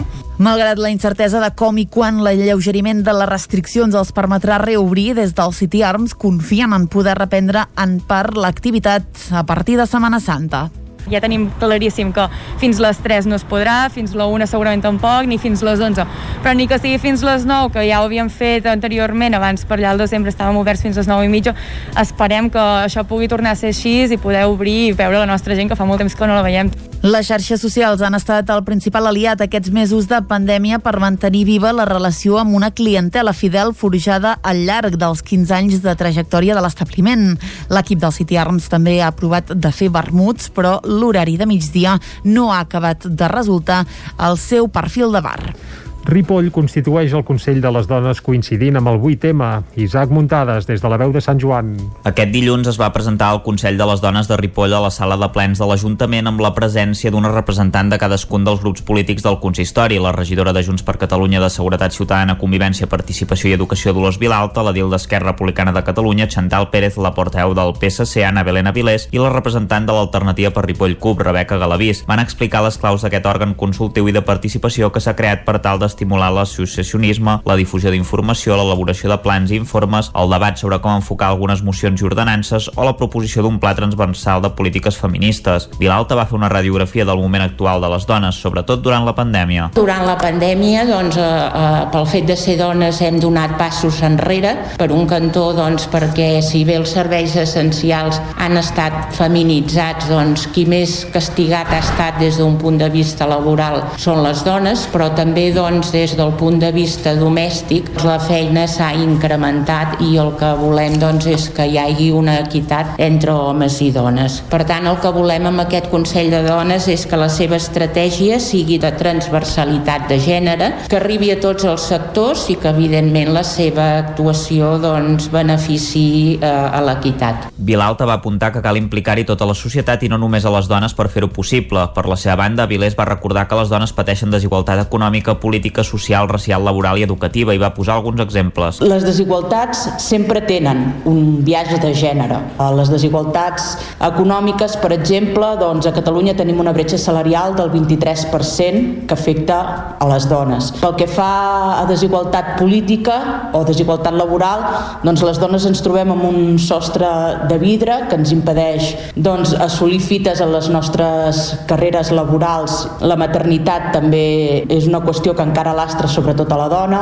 La regidora socialista també va apuntar que hi ha carreres més feminitzades com l'educació o la sanitat i que en canvi altres estan masculinitzades com les de ciències. Per la seva banda, Pérez va afirmar que l'objectiu d'aquest Consell hauria de ser el d'autodestruir-se perquè això significaria que s'ha assolit la plena igualtat entre homes i dones. La regidora republicana va posar algun exemple pràctic de la utilitat del Consell. Hi ha, per exemple, urbanisme que afavoreix que les agressions sexuals, per exemple, es minimitzin una mica. I qui diu les agressions sexuals, estic parlant... Si tu en un determinat punt fosc contactes amb qualsevol persona i et diu mira, jo aquí em sento intimidada perquè no hi ha llum. Aquí em sento intimidada per altres coses que tenen a veure pues, amb el dia a dia de, de la feina de casa a la feina o del camí de casa a la feina i aquestes coses. Això que poder algú que està governant a l'Ajuntament ni tan sols passa per allà aquest dia o no volta aquelles hores o d'això, no se n'ha donat o no ho ha pensat o no ho ha viscut perquè és un home. Per exemple, Pérez també va citar que Ripoll només té una desena de carrers amb nom de dona. La portaveu Copaire va afegir que aquest espai ha de generar debats que contribueixin a canviar el model de societat patriarcal actual. L'objectiu de l'Ajuntament és convidar-hi les associacions, entitats i col·lectius del poble a participar-hi. L'organització tindrà una presidència, una vicepresidència, comissions permanents i de treball. Les quatre representants dels partits del consistori van apuntar que l'absència de la regidora no escrita Sílvia Oriols es devia al fet que no forma part de cap grup municipal i que ella, a més, va votar en contra de la moció del passat 25 de novembre de declarar Ripoll com a vila feminista. La carretera que uneix Sant Feliu de Codines i Gallifa s'ampliarà en un tram de gairebé 3 quilòmetres amb l'objectiu de millorar la seguretat viària. Caral Campàs, des d'Ona Codinenca. Aquesta carretera és la BP 1241 i s'ampliarà concretament entre els quilòmetres 9 i mig i 12 de la via amb l'objectiu de millorar la seguretat viària. La Diputació de Barcelona, qui compta amb la titularitat de la carretera, ha fet el projecte d'ampliació de la via que té un pressupost de licitació de gairebé 1.100.000 euros. El tram que es reformarà és el que inclou la zona coneguda com el Pla de les Banderes o Cabanyelles i el tram amb plataners a banda i banda de la carretera que també constitueixen un perill per la seguretat ja que no hi ha suficient distància entre els arbres i el centre de la carretera. Té revolts de radi molt petit i una amplada insuficient pel creuament de dos vehicles de forma segura. En alguns dels trams la calçada té només 4 metres d'amplada. Les obres comprendran l'eixamplament de la carretera en els trams amb més dèficit d'amplada i l'eixamplament del pont situat al quilòmetre 12 de la via, la millora de la senyalització i l'abalisament i barreres de seguretat. El projecte ja ha estat presentat a l'Ajuntament de Gallifa. La carretera que es reformarà és una via situada en un terreny força accidentat, però que és l'eix de comunicació entre el poble de Gallifa i Sant Feliu i alhora la connexió amb la resta de xarxa bàsica de carreteres. La mesa del Parlament ha donat una pròrroga de 90 dies per la recollida de firmes per a la iniciativa legislativa popular que la coordinadora per la salvaguarda del Montseny vol presentar al Parlament. La iniciativa, que ara té fins al juny, doncs, per presentar les firmes, exigeix la protecció del Parc Natural. David Auladell, de Ràdio i Televisió, Cardedeu.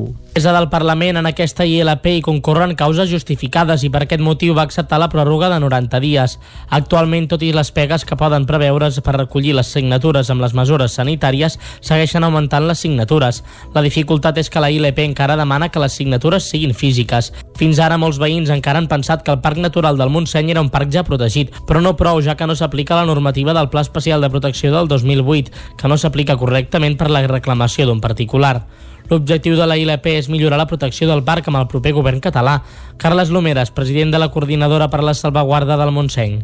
Cosa que ens ha fet retrocedir 43 anys enrere a la normativa del Pla Especial de l'any 1977, que no és altra cosa que un pla urbanístic, que com us podeu imaginar, un pla que estava concebut a les acaballes del franquisme, abans de les primeres eleccions democràtiques, no recull cap ni una de les normatives ambientals que després han estat aprovades i eh, aquest retrocés al marge de fer perdre gairebé 2.000 hectàrees de protecció de manera immediata doncs representa un, un enorme retrocés des del punt de vista ambiental. Per seguir aportant la signatura, la gent es pot adreçar a cadascun dels voluntaris que hi ha distribuïts a les poblacions o demanar la signatura a través de les xarxes socials de la Salvaguarda pel Montseny. I fins aquí el butlletí informatiu que us hem ofert, com sempre, amb les veus de Clàudia Dinarès, David Auladell, Caral Campàs i Isaac Muntades. I ara, abans d'anar cap a l'entrevista, avui per parlar dels pressupostos participatius a Cardedeu, el que farem és una nova ullada al temps, com sempre, amb en Pep Acosta.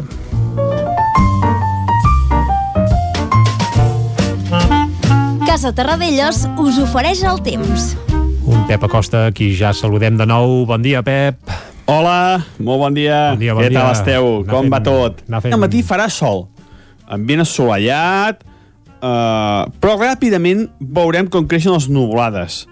I de cara a la tarda, migdia, primers sols de la tarda, ja hauran crescut importantment aquestes nuvolades. Eh, seran nuvolades de, de primavera. Poden deixar tempestes, principalment zones de muntanya. Pirineu, Guilleries, Montseny i Serra Transversal. En principi deixant quantitats de precipitació minces, però localment poden ser moderades i en forma de tempesta. Jo crec que, com a molt, entre 10 i 15 litres, si bé la Aviam. majoria dels registres entre el 0 i el 5. No plourà a tots els llocs. No estic dient que serà una tarda de pluja general, ni molt menys. Serà una tarda de nuvolades i d'algunes pluges puntuals. Eh, eh, com deia, principalment a les zones de muntanya. A les zones habitades plourà menys. Però sí que és possible, sí que és possible que caigui alguna precipitació. Les temperatures màximes pujaran. Uh, ahir, com que va estar també molt ennuvolat, uh, vam tenir una mica de pluja, no vam passar la majoria de les poblacions dels 10, entre els 10 i els 13 graus. Doncs avui, a més llocs, arribarem als 14, 15, 16, 17 graus. Uh, també destacar això, l'amplitud tèrmica. Mm, aquests últims dies teníem unes temperatures mínimes força altes i unes màximes bastant baixes. Hi havia poca amplitud tèrmica. Ara avui n'hi haurà bastanta, eh? molt contrast entre el dia i la nit. Això també és degut a, aquesta, a aquest canvi de, de situació meteorològica, aquesta entrada de vent de nord, que fa això, que hi hagi temperatures mínimes més fredes i les màximes més altes. Moltes gràcies i a disfrutar d'aquest dimarts. I Adeu. tant, ho farem, ho farem, Pep. Moltes gràcies a tu, salut, i ara nosaltres el que farem és una breu pausa i en mig minut anem cap a Cardedeu per conèixer tots els detalls dels pressupostos participatius. Fins ara. Casa Tarradellas us ha ofert aquest espai. Territori 17. Envia'ns les teves notes de veu per WhatsApp al 646 079 023. 646 079 023. WhatsApp Territori 17.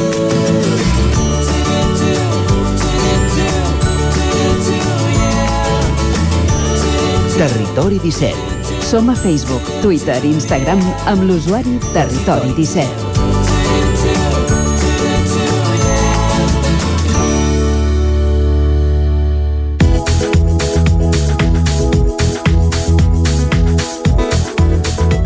Un minut i serà un quart d'onze del matí. Seguim en directe aquí a Territori 17. La ciutadania de Cardedeu tornarà a decidir el futur de 400.000 euros del pressupost d'inversió. La presentació de la segona edició del Jo Vull Vull que Cardedeu tingui, els pressupostos participatius del municipi, es va fer dijous passat i de seguida en coneixerem tots els detalls anant cap a Cardedeu amb l'Òscar Muñoz. Bon dia, Òscar. Bon dia, Jordi. Bon dia, bon dia.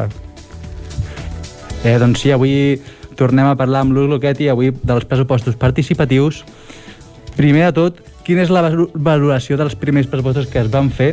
Suposo que va ser una bona, un bon projecte ja que torneu a fer la segona edició. I també, doncs, quina va ser la participació ciutadana en aquests pressupostos?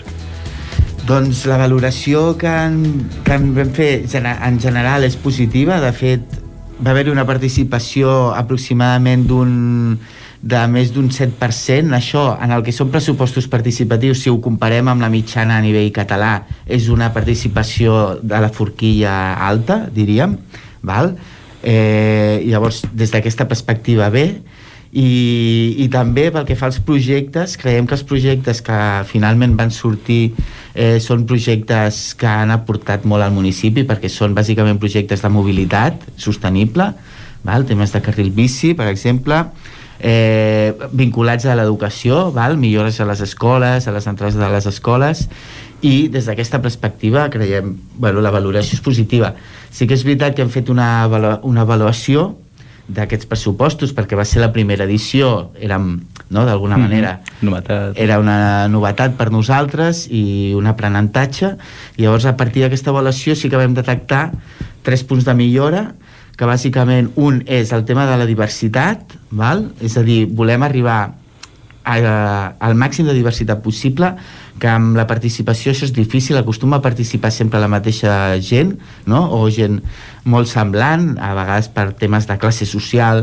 culturals, eh, d'edat, no?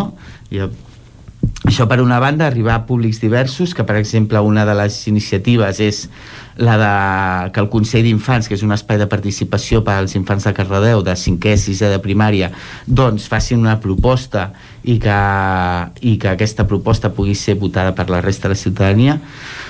I llavors això de la diversitat. Per altra banda també vam estressar molt l'estructura de l'Ajuntament a les, els ajuntaments les institucions no estan del tot dissenyades per la participació ciutadana, d'acord?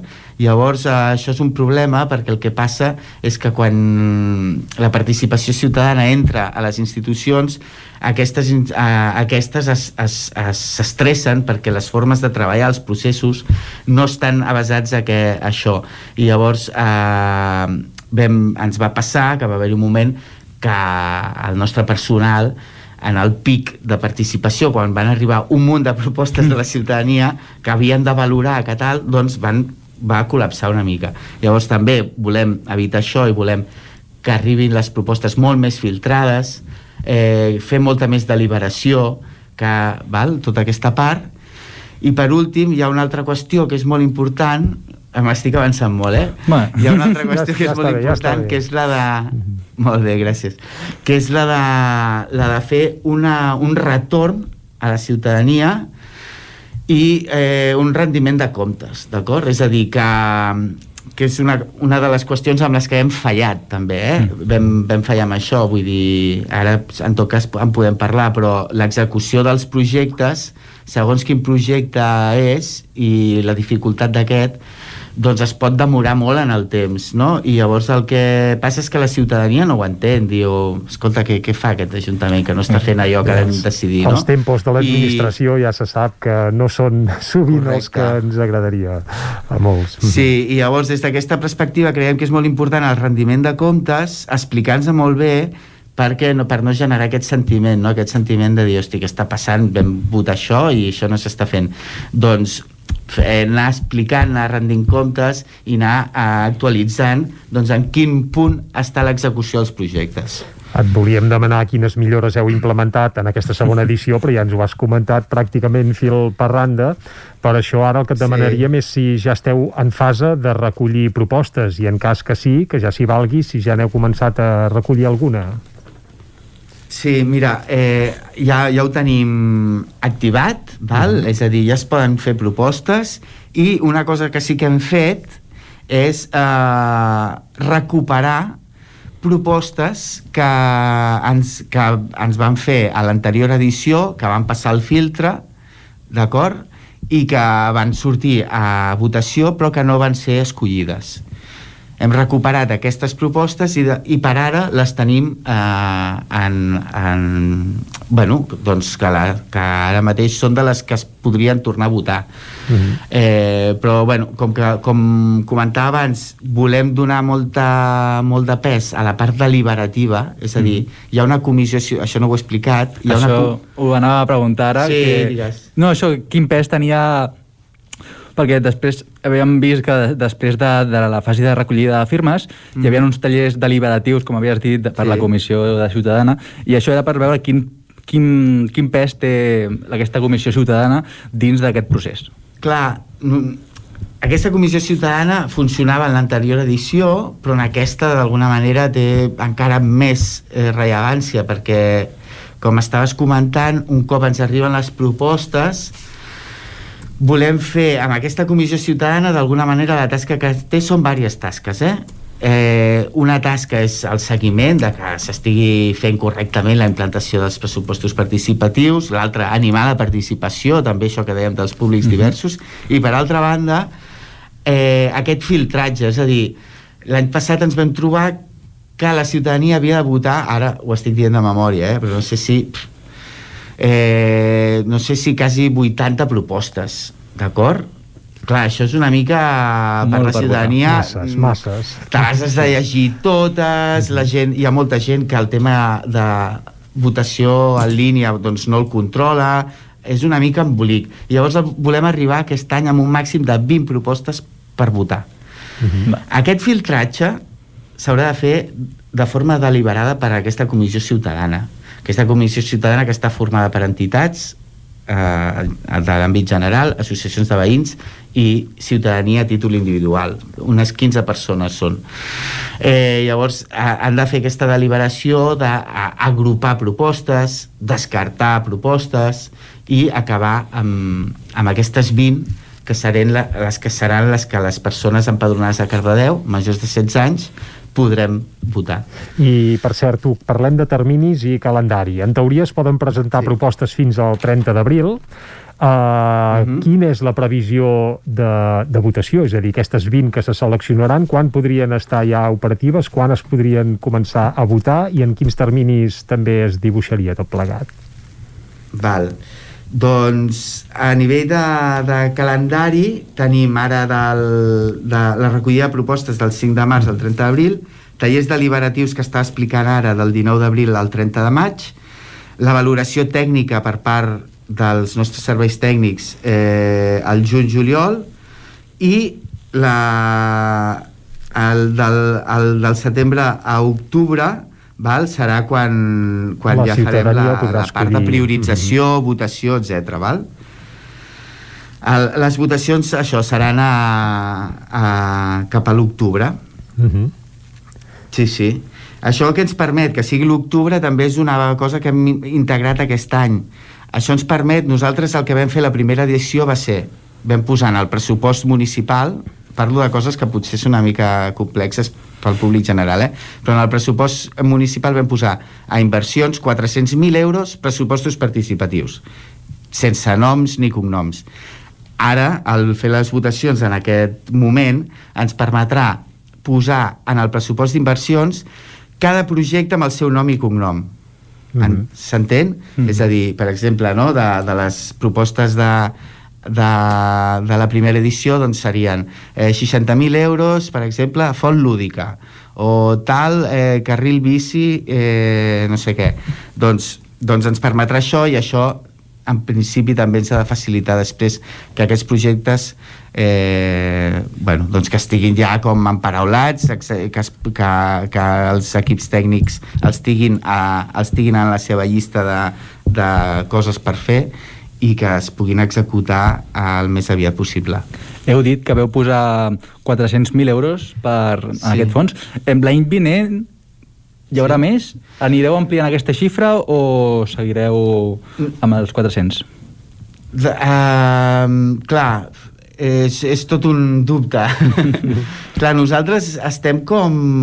O sigui, ens agradaria, la intenció seria que això pogués anar creixent, no? Que la participació cada cop abarqués més àmbits i cada cop vull dir que al final amb, amb, un, amb temps l'ideal seria fer uns pressupostos municipals molt participats, no? Ara estem participant una part. Una part. Eh, però, bueno, jo crec que tant la ciutadania no? com nosaltres eh, hem d'aprendre molt d'això, no? I, I estem ara una mica en un, en, en un moment embrionari.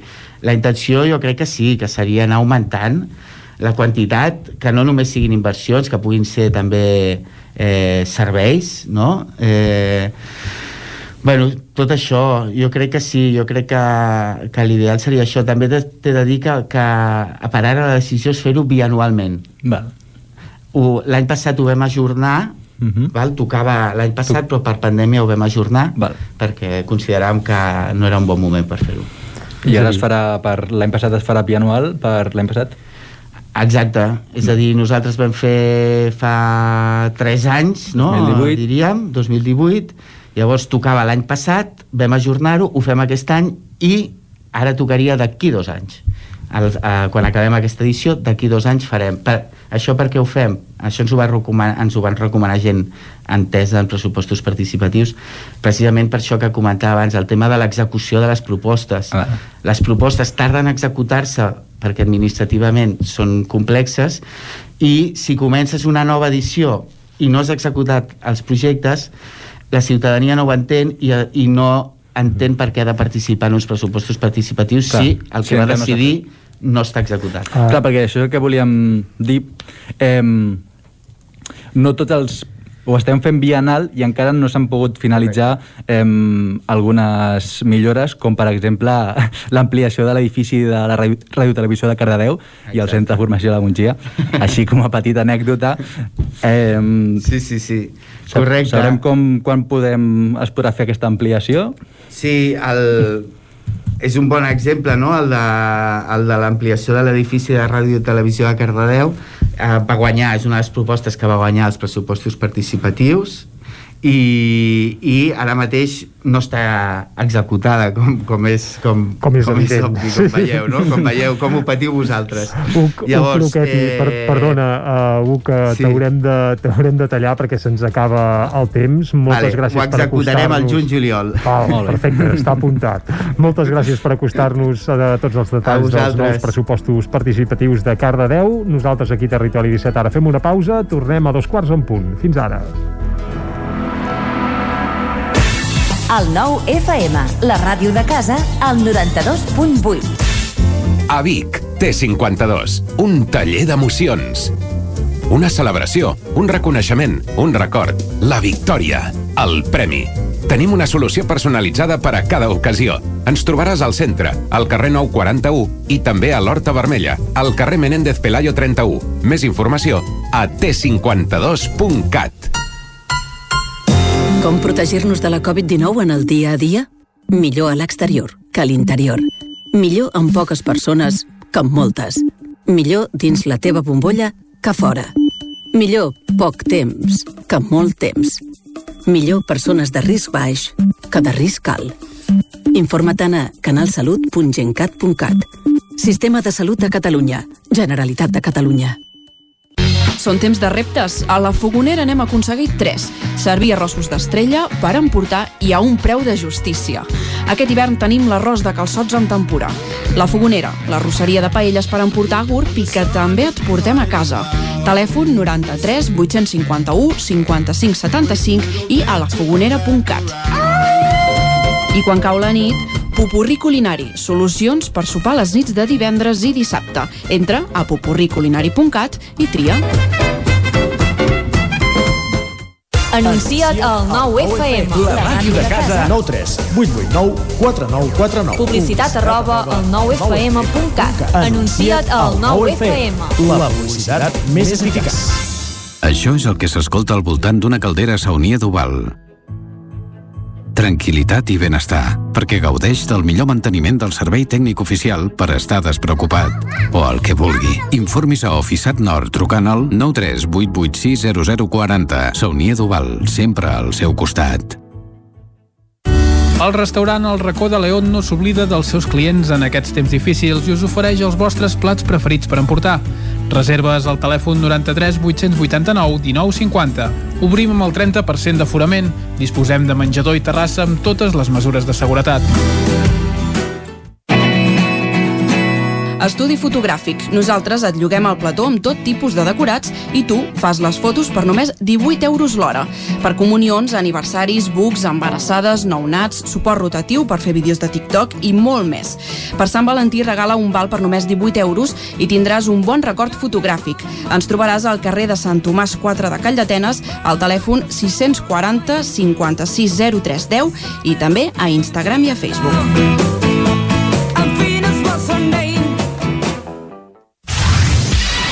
El nou FM, el nou FM, el nou FM, el nou FM, el nou FM. Territori 17. Dos quarts d'onze en punt del matí, seguim en directe a Territori 17 i el que toca ara, com sempre, al dos quarts en punt d'onze, és saludar l'Isaac Moreno, que ens acosta cada dia a les piulades. Isaac, molt bon dia. Hola, bon dia. Uh, què es piula avui?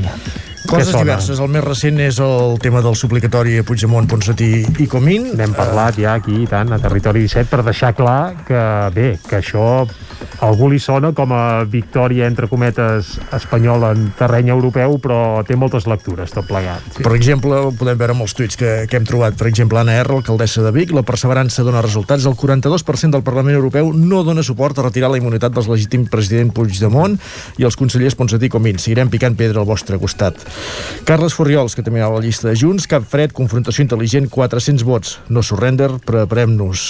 Uh, Rosa Bayot, suplicatori, 400 eurodiputats ja han votat a favor, 248 en contra i 45 s'han abstingut. Cortijo, que diu. Hola, Teresa Rossell. Resum, un 57% d'eurodiputats han recolzat l'aixecament de la immunitat a Carles, Comín i, Puig, i Ponsatí. Si treus els 50 espanyols irreductibles al desaliento, la cosa no és un passeig militar. No.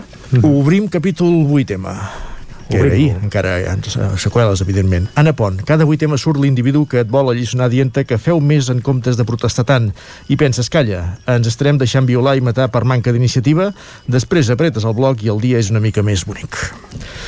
Uh, encara sobre el 8M també podem llegir, per exemple, la piulada que feia ahir la Susana Vives de Capgirem Vic. El que cal que feu avui, homes, és revisar les nostres, les nostres motxilles i fer recompte del que falta a les vostres. I en silenci. Gràcies. Uh, va haver-hi polèmica també ahir a Vic pel que fa a la commemoració del 8M, perquè al matí... El tema de l'hort, eh? Exacte. Ho hem comentat també. Al matí sí, sí. es va llevar amb un hort desmantellat que havien construït el dia abans des del comitè 8M Remei Reviu ho denunciava perquè l'hort estava feta al barri del Remei, a la plaça de la Noguera, Roger Mas d'Esquerra, tot el suport a les veïnes de la ciutat que van organitzar aquesta magnífica iniciativa. Volem una ciutat viva i amb xarxes autogestionades. Potser la vida al centre és això i que qui no ho permet fa el contrari.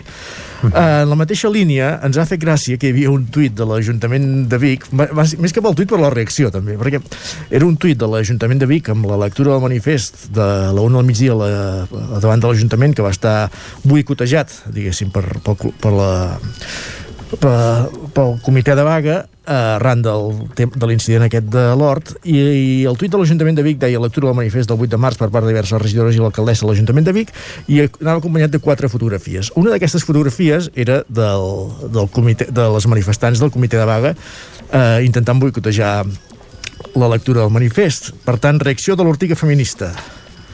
Eh, que utilitzeu una foto amb les companyes de la vaga feminista. Boicotegem l'acte institucional perquè ens heu destrossat l'or comunitari amb total impunitat. No som el vostre públic i n'estem fartes de, de tanta hipocresia Uh, al cap d'una estona, l'Ajuntament va tornar a fer la mateixa piulada pràcticament que traient aquesta foto i posant-n'hi una altra. I aleshores tenia un retuit amb comentari de l'usuari, bueno, anar fent, que diu sí, sí, enquadreu bé perquè no es vegi com us l'estaven boicotejant per carregar-vos una iniciativa comunitària de feia menys de 24 hores. És, és a dir, facis el que facis, sempre trobaràs eh, crítiques a, a Can Twitter. Evident, sí, sí. Més qüestions. Víctor Sunyol, Uh, amiga, avui hauria fet 91 anys, segurament la meva mare i ella ja tornen a jugar juntes a saltar parets de jardins i a escriure i a llegir. I qui és aquesta amiga? Doncs Maria Àngels Anglada, de qui comparteix aquesta fotografia. Anem fins a Ripoll, millora del barri de Vista Alegre acabada, seguim cuidant i mimant els barris, ho diu el regidor Joaquim Colomer i tenim alguna última piolada més per comentar eh, Guillem Freixa crec que un punt d'inflexió en la trajectòria de mama papa és quan tens prou criteri per diferenciar entre caques maques i caques lletges Bufa. Pep Acosta, eh, em sembla que ja ho he dit aquest matí, però ho repetim. Després de molts dies de pols del Sàhara, avui veurem el cel blau, per fi. Sí, sí, ens ho ha comentat i estem molt contents també, però encara no el veiem, eh? No, Això aquí- cal dir-ho clar. aquí Vic encara no, si més A la no. plana encara està tapadot. I ara, si em sembla, el que podem fer repassar portades. Exacte, anem a portades del 99.cat. Comencem per l'edició de... El Vallès Oriental. El Vallès, vinga, verda. anem. Més de mig miler de persones es manifesten a Granollers pel 8 tema. També Trànsit activa un nou radar a la C-17 entre Centelles i Aigua Freda i Àgora creix amb la incorporació de l'assessoria gestió directa. Carreguem ràpidament la portada vermella, la d'Osona i el Ripollès, que aquesta hora titula La mulassa en clau femenina, la mulassa del bestiari de la Festa Major de Vic. Correcte. Mm -hmm. Uh, Torelló recupera els pressupostos participatius amb 30.000 euros i la crònica sobre l'exposició de Manlleuens a Mahausen de Manlleu a l'horror. Doncs de 30.000 a 400.000, que és el que toquen a Cardedeu, hi ha un bon tros, eh? Exacte. Molt bé. 400.000? Sí, sí. A Cardedeu, 400.000 euros posen a pressupostos participatius. Ho acabem de, vaja, de comentar ara mateix amb el seu regidor, Luc Luquetti. Isaac, moltes gràcies. Bon dia. Molt bon dia i nosaltres ara anirem cap a la taula de redacció.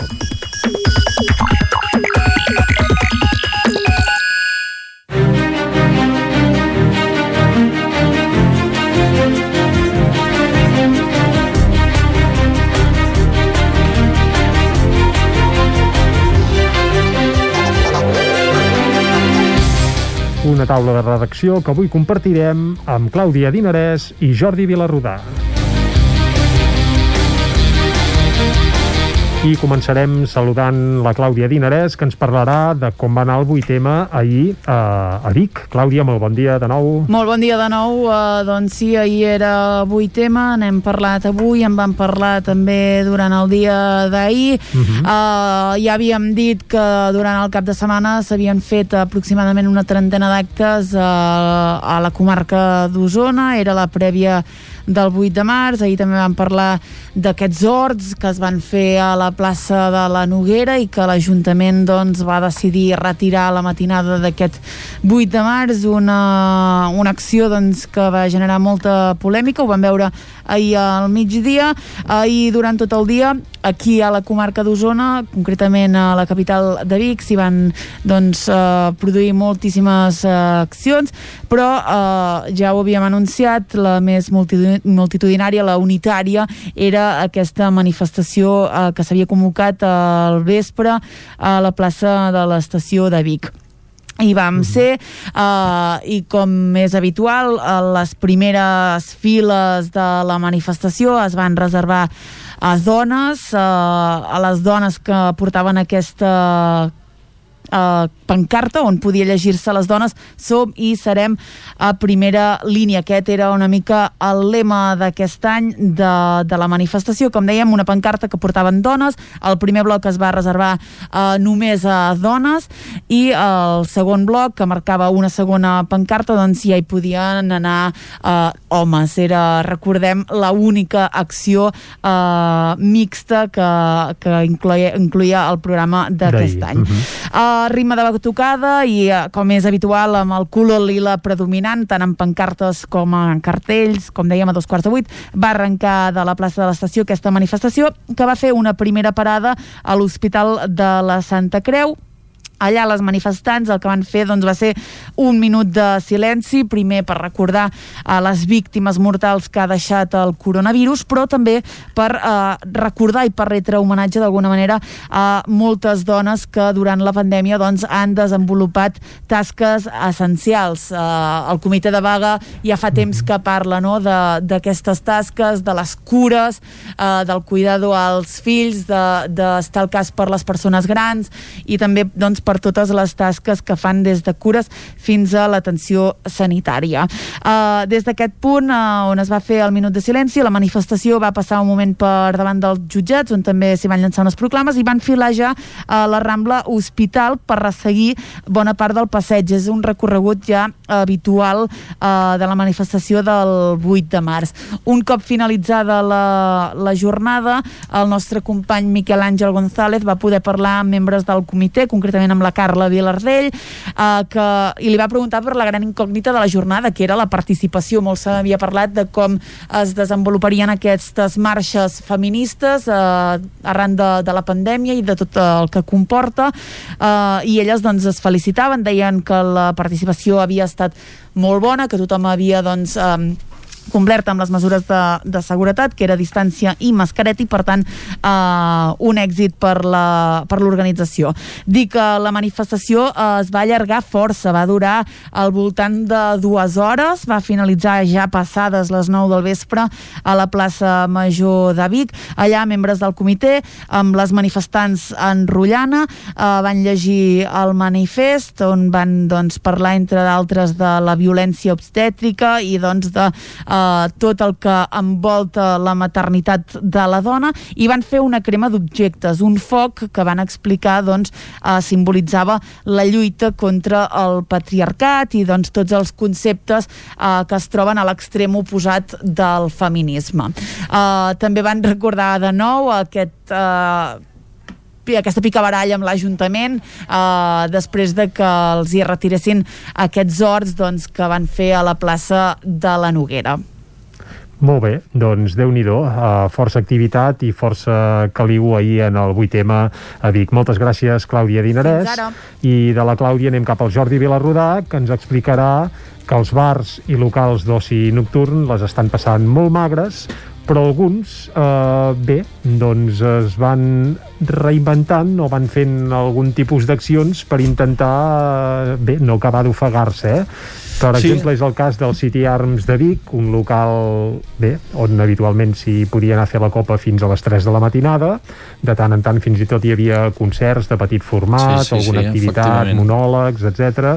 Ara tot això no hi és, i aquest cap de setmana què van fer, Jordi, al City Arms? Aquest cap de setmana, concretament va ser el diumenge, doncs que van fer un, eh, en fi, una iniciativa per, per treure's de sobre tot l'estoc que els quedava mm -hmm. eh, que els quedava a les neveres perquè, és clar eh, aquests establiments que només podien, o sigui, la seva llicència era per obrir de les 6 de la tarda fins a les 3 de la matinada. Correcte. I, i és clar, ara en aquests moments no s'ajusta a les franges horàries que hi ha, no, no, que com sabem s'acaben a les 5 de la tarda. Sí, sí. Llavors, eh, què passa? Ells des del desembre, que va entrar en vigència doncs, aquests horaris, no podien obrir, ja venien de tota una temporada doncs, amb moltes limitacions mm -hmm. ja mhm. des de que es va aixecar el confinament. Bé, des que es va imposar l'estat de d'alarma uh, això I a principis de la tardor que a les 10 havia d'estar tot tancat a l'estiu va ser un moment de respirar però mm. després doncs les coses han anat com anat i és clar què passa? Hi ha productes a les neveres que tenen una caducitat mm -hmm. d'acord que hi ha coses que no caducaran com una Coca-Cola o una cervesa Bé, uh, també caduquen eh, no, sí, també, però les caducitats són més llargues mm -hmm. o sigui, sí, sí. Uh, pots tenir-les dos anys en un lloc a vegades mm -hmm. i, i no passa res però sí que hi ha alguns productes, uh, per exemple cerveses artesanes que tenen tenen caducitats més curtes uh -huh. eh, o, o, o també fins i tot alguns refrescos que ja doncs, portaven un temps de, de, de, a la nevera sí, sí, que s'acaben acaben les, les dates de caducitat i llavors eh, què van fer? Doncs a diumenge van obrir les portes a les 5 de la tarda uh -huh. eh, no per anar allà a prendre res sinó només per, per emportar-te una beguda i cada persona que anava allà i demanava una beguda per emportar-se uh -huh. eh, doncs li donaven uh, una d'aquestes que, que estaven uh, que, que estan caducant o a punt de caducar. O sigui, tu anaves a la barra demanaves una cervesa per emportar-te te la posaven doncs amb algun recipient sí, o un gin tònic o el que fos. a casa per això, eh? sí, sí, la, te l'havies d'endur o sigui, allà no, no es pot a les 5 de la tarda. Clar. i després doncs t'acompanyaven allà amb un taulell amb unes taules doncs que hi havia tot de productes d'aquests que mm deien tria. I per cada consumició que, que un client s'emportava estava, doncs hi havia eh, el dret d'emportar-se mm. un altre, eh, doncs això, una ampolla de cervesa artesana mm. o, o una fanta eh, d'aquelles grosses. Eh, o, o una bossa de patates, també, no? Mm. I, i d'aquesta manera, doncs, anar-se traient aquest estoc i a la vegada Eh, eh, perquè això també doncs, eh, és, és una de les, de, de les idees que hi ha darrere aquesta iniciativa és mantenir viu el caliu amb els, amb els clients també, mm -hmm. no? el contacte eh, ens deien doncs, eh, que, que eh, treballen molt amb les xarxes socials doncs, crear aquesta comunitat entre els clients els city armers deien, etc etc i que llavors això havia tingut un ressò a les mhm. xarxes socials de, de l'establiment que ajuda a, a mantenir viu aquest caliu amb els clients més fidels i que d'alguna manera estiguin o tinguin present que, que aquest establiment hi és no? i que, sí, que el dia que, que encara està actiu sí. que encara, encara està actiu que, sumor, però... que un dia tornarà Clar, uh, Parlant, Jordi, un dia tornarà. Tu que vas conversar amb ells, amb quin calendari treballa? A veure, Quina ells... és la seva previsió? Ja sé que és molt difícil, eh, aventurar uh, dates, però... Tenen esperances de que després de Setmana Santa hi pugui, o per coincidir més o menys amb Setmana mm. Santa, pugui haver-hi un cert relaxament que els permeti obrir fins a... No, no, evidentment, fins a les 3 de la matinada, perquè això ja s'ha dit doncs, que el toc de queda va una mica per més llarg, però sí mm -hmm aprofitant que el dia s'allarga més, que es poden posar taules amb terrasses ja d'aquí poc i que el clima serà més, més benigne mm -hmm. també, doncs eh, allargar una mica les tardes i que, que els permetés obrir doncs, com era fins a les 10 de la nit, per exemple, mm -hmm. fins a l'hora del toc de queda, o sigui que, que puguin eh, dintre del mes d'abril començar a, a començar a recuperar una mica la normalitat, perquè esclar, tot el personal doncs, està en ERTO, etc etc. La situació mm -hmm. de molts establiments, els que han pogut aguantar, que no han tancat, i, i en aquest cas, doncs, a més, mantenint un local gran, uh mhm. -huh. un local que, que té unes dimensions que, en fi, que, que, que, que com més gran, més complicat, a més a més. I, per tant, doncs, ells compten que durant el mes d'abril eh, puguin eh, començar a obrir altra vegada o en algun horari de tarda, però és una mhm. esperança, perquè en aquests moments tampoc se sap res d'això. Mhm. eh, no, no, hi ha, no hi ha cap certesa. La seva situació és un exemple de les dificultats que està vivint doncs, el món de l'hostaleria en general, eh, potser doncs, qui pot treballar més o, està, o, o té un establiment més orientat de cara a uns esmorzars i uns dinars doncs ara se'n sortirà bé perquè gairebé té un horari normal per entendre'ns i en uh mhm. -huh. canvi doncs aquests establiments que es que basaven més, més amb un públic de cara públic de nit, a la nit sí, sí, sí, uh -huh. que són els pubs diguem la llicència de bar musical que, mhm. -huh. que és la, la llicència dels pubs o bars musicals que normalment so, van d'aquest horari de 6 de la tarda fins a 3 de la matinada i que esclar en aquests moments aquests no, no entren en cap, en cap de les franges. Tant de bo, Jordi, ben aviat hi puguem tornar. Tant de bo hi puguem tornar i, Serà més a més... senyal que les dades epidemiològiques estan millorant i que, bé, i que podem reemprendre una mica la una mica vida... la normalitat. Uh, socialitzar-nos com toca, també. I que torni a haver-hi algun, mm. algun concert, a més a més, doncs, a que era dels més, establiments exacte. actius en la mm-hmm. programació de música i d'altres espectacles en directe, també. Mm -hmm. I, a veure, de moment hem començat amb algunes coses ja que feia eh, dies que no es veien, o sigui, ja parlant d'una mm-hmm. altra cosa, o sigui, fa dues setmanes que estem veient presentacions de llibres ja eh, no les llibreries mica en mica perquè són llocs mhm. petits uh -huh. però sí que les llibreries eh, agafen o sigui, se'n van a un altre local més ampli uh -huh. i mhm. organitzen presentacions la setmana passada un al casino eh, perquè un servidor va ser va una ser, mica ja les, implicat a les dues oh, al casino de Vic i, uh -huh. i mhm. ahir doncs l'auditori del Sucre uh -huh eh, com també un preludi d'aquest Sant Jordi que, que és una altra de les normalitats del aviam, mes d'abril que esperem com, recuperar com podem viure aquest Sant Jordi en parlarem aquí a Territori 17 i Jordi, t'esperem demà aquí a Territori 17 també perquè ens facis uh, això, una ullada al cap de setmana cap cultural, de setmana, eh? que, que això sí animant, que sembla no? que també es va animant també, va. també anem doncs traient això és cap. bo, vinga, va una mica d'alegria. Jordi, moltes gràcies tanquem aquí a la taula de redacció i de seguida anem amb el Buscat la Vida amb la Xela Falgueres.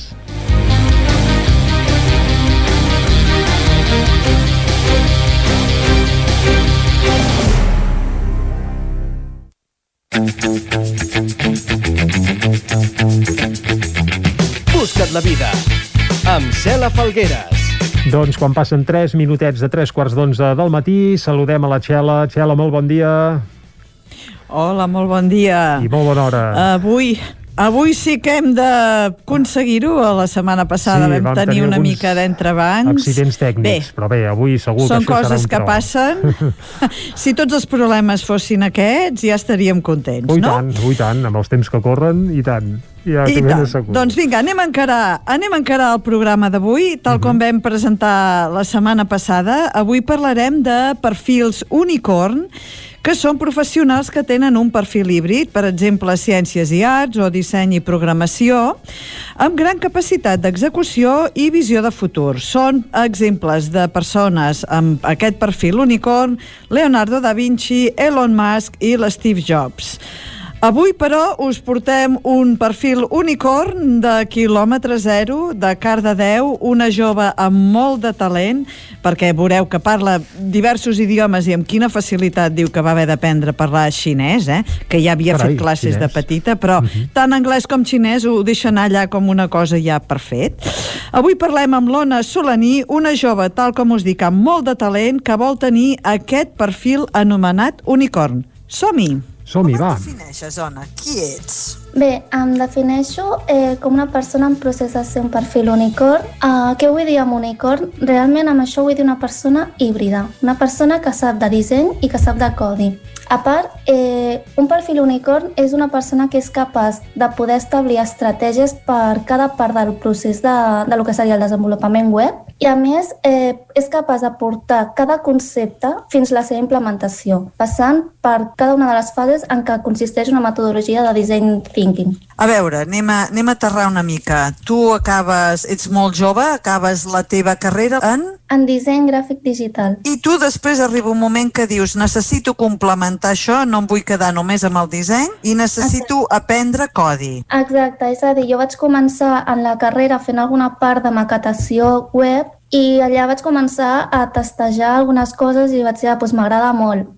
I després, en l'última assignatura de, de quart optativa, vaig fer el que seria tot el que és el procés d'experiència d'usuari i ja va ser el que més em va agradar. O sigui, ho vaig barrejar i vaig dir "És que necessito fer això. Molt bé, en un moment de la teva formació arribes a treballar a Shanghai per marques molt renombrades. Explica'ns una mica com arribes a, a Shanghai i com vas viure aquesta experiència eh, amb una edat molt jove. Què tenies? Tenia 20. Doncs explica'ns, com arribes a Shanghai? Mira, doncs de fet va ser, eh, estava en una assignatura de la universitat en la que havíem de participar en un concurs, era, era opcional, no era obligatori, en el que ens demanen que féssim un joc eh, basat en emprenedoria per als joves, però a través d'una plataforma digital. Llavors, eh, jo vaig decidir fer una aplicació web, ai, una aplicació mòbil, perdona, un joc, en el que l'usuari podia interactuar mitjançant realitat virtual i el que vaig fer va ser pues, fer tota- tota la implementació del disseny, de com hauria de ser, com s'hauria de portar a terme, però clar, es va quedar en un prototip. Llavors el vaig presentar i res, vaig guanyar i em van dir, bueno, doncs la, el premi són unes pràctiques um, a primera línia, per dir-ho així, a Shanghai. I vaig dir, me n'he d'anar, ho he de fer, ho he, he d'acceptar.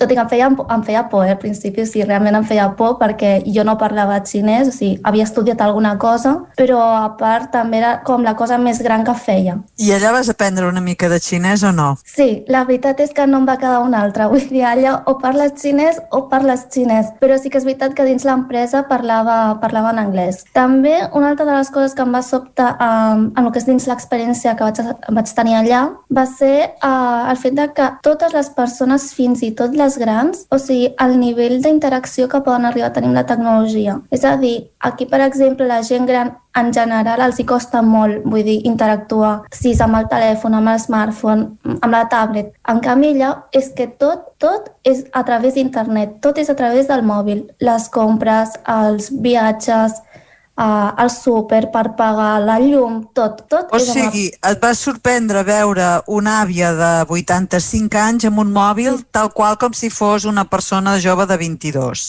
Exacte, totalment, totalment. És veritat que, les, que la, tot el que són els edificis són com més antics, però dins de lo que són les cases tot és molt modern. I a nivell laboral, què t'emportes d'aquesta experiència? Per quines marques vas estar treballant? Doncs vaig estar treballant per Michael Kors i per Cartier, en el que vaig estar fent, eh, primer vaig fer algunes parts de disseny més gràfic, que serien, bueno, vaig estar fent eh, coses de, de redisseny d'estratègies de jocs per poder fer eh, formació a la, en els equips d'administració i de direcció de, de les empreses i després vaig estar treballant més en la part d'experiència d'usuari en, la, en el que serien les aplicacions webs i mòbil. Tot això ho vaig fer a través d'una assessoria, que és la que, la que em va permetre poder tenir aquesta experiència laboral i aquesta experiència en, en l'estranger, bàsicament. La teva feina actualment és dissenyadora UX, UI. Explica'ns què és això de UX, que diríem en català, però que de UI, però que es diu UX, UI. Explica'ns què és això. experiència d'usuari, que seria la UX aquesta que diem, uh, fa referència al que seria com un usuari, per exemple, interactua amb un producte o un servei. Tu, com a dissenyador, eh, el que fas és buscar les necessitats, les opinions i els gustos d'aquests usuaris i poder-los transformar d'una manera en el que tu com a client, per exemple, o persona que interactua amb un producte, ja sigui un mòbil, una aplicació web o algun, jo què sé, una cadira, fins i tot podria ser també experiència d'usuari, uh, com fas perquè la persona que l'està utilitzant es senti a gust, o sigui, es senti que no té ninguna dificultat, que li està agradant el que està fent i que no, no sent en cap moment un tipus de frustració. Vale, I per això tant, la feina d'un dissenyador UX és fer que aquella interacció amb aquell objecte digital o amb aquell servei digital no tingui barreres i que sigui d'una forma molt intuïtiva per l'usuari, podríem dir que és Exacte. això. Tu dissenyes tots els passos perquè aquella persona pugui arribar a fer, per exemple, eh, un Nespresso, tu no te n'adones, però saps quin botó has d'aplicar i saps que has d'esperar i la, la cafetera t'ho fa tot tu interactuant sense haver de necessitar un manual d'instruccions del pas a pas. Exacte, o sigui, resumint el que he dit abans, realment UX és proporcionar la millor experiència possible a partir eh, d'una anàlisi de dades en, el, en les que extreus de les necessitats, eh, les opinions i els gustos d'un usuari. Què és la UI, doncs? La UI bàsicament és la part visual on nosaltres trobem el que serien els colors, la tipografia, la jerarquia, podríem dir que és el més important i que no, les imatges, i a més a més també inclou eh, el que és el desenvolupament principal d'aquest medi. Si en el que tu normalment l'acostumes a fer amb llenguatges de programes, bueno, llenguatges de maquetació, en aquest cas, com HTML i CSS. Pels més atrevits, doncs, les parts més lògiques que serien ja amb JavaScript, que això ja sí que serien llenguatges de programació. Imagina que tu li has d'explicar a la teva iaia què fas, perquè la iaia et diu, nena, tu de què treballes? Tu treballes a internet, tu què fas?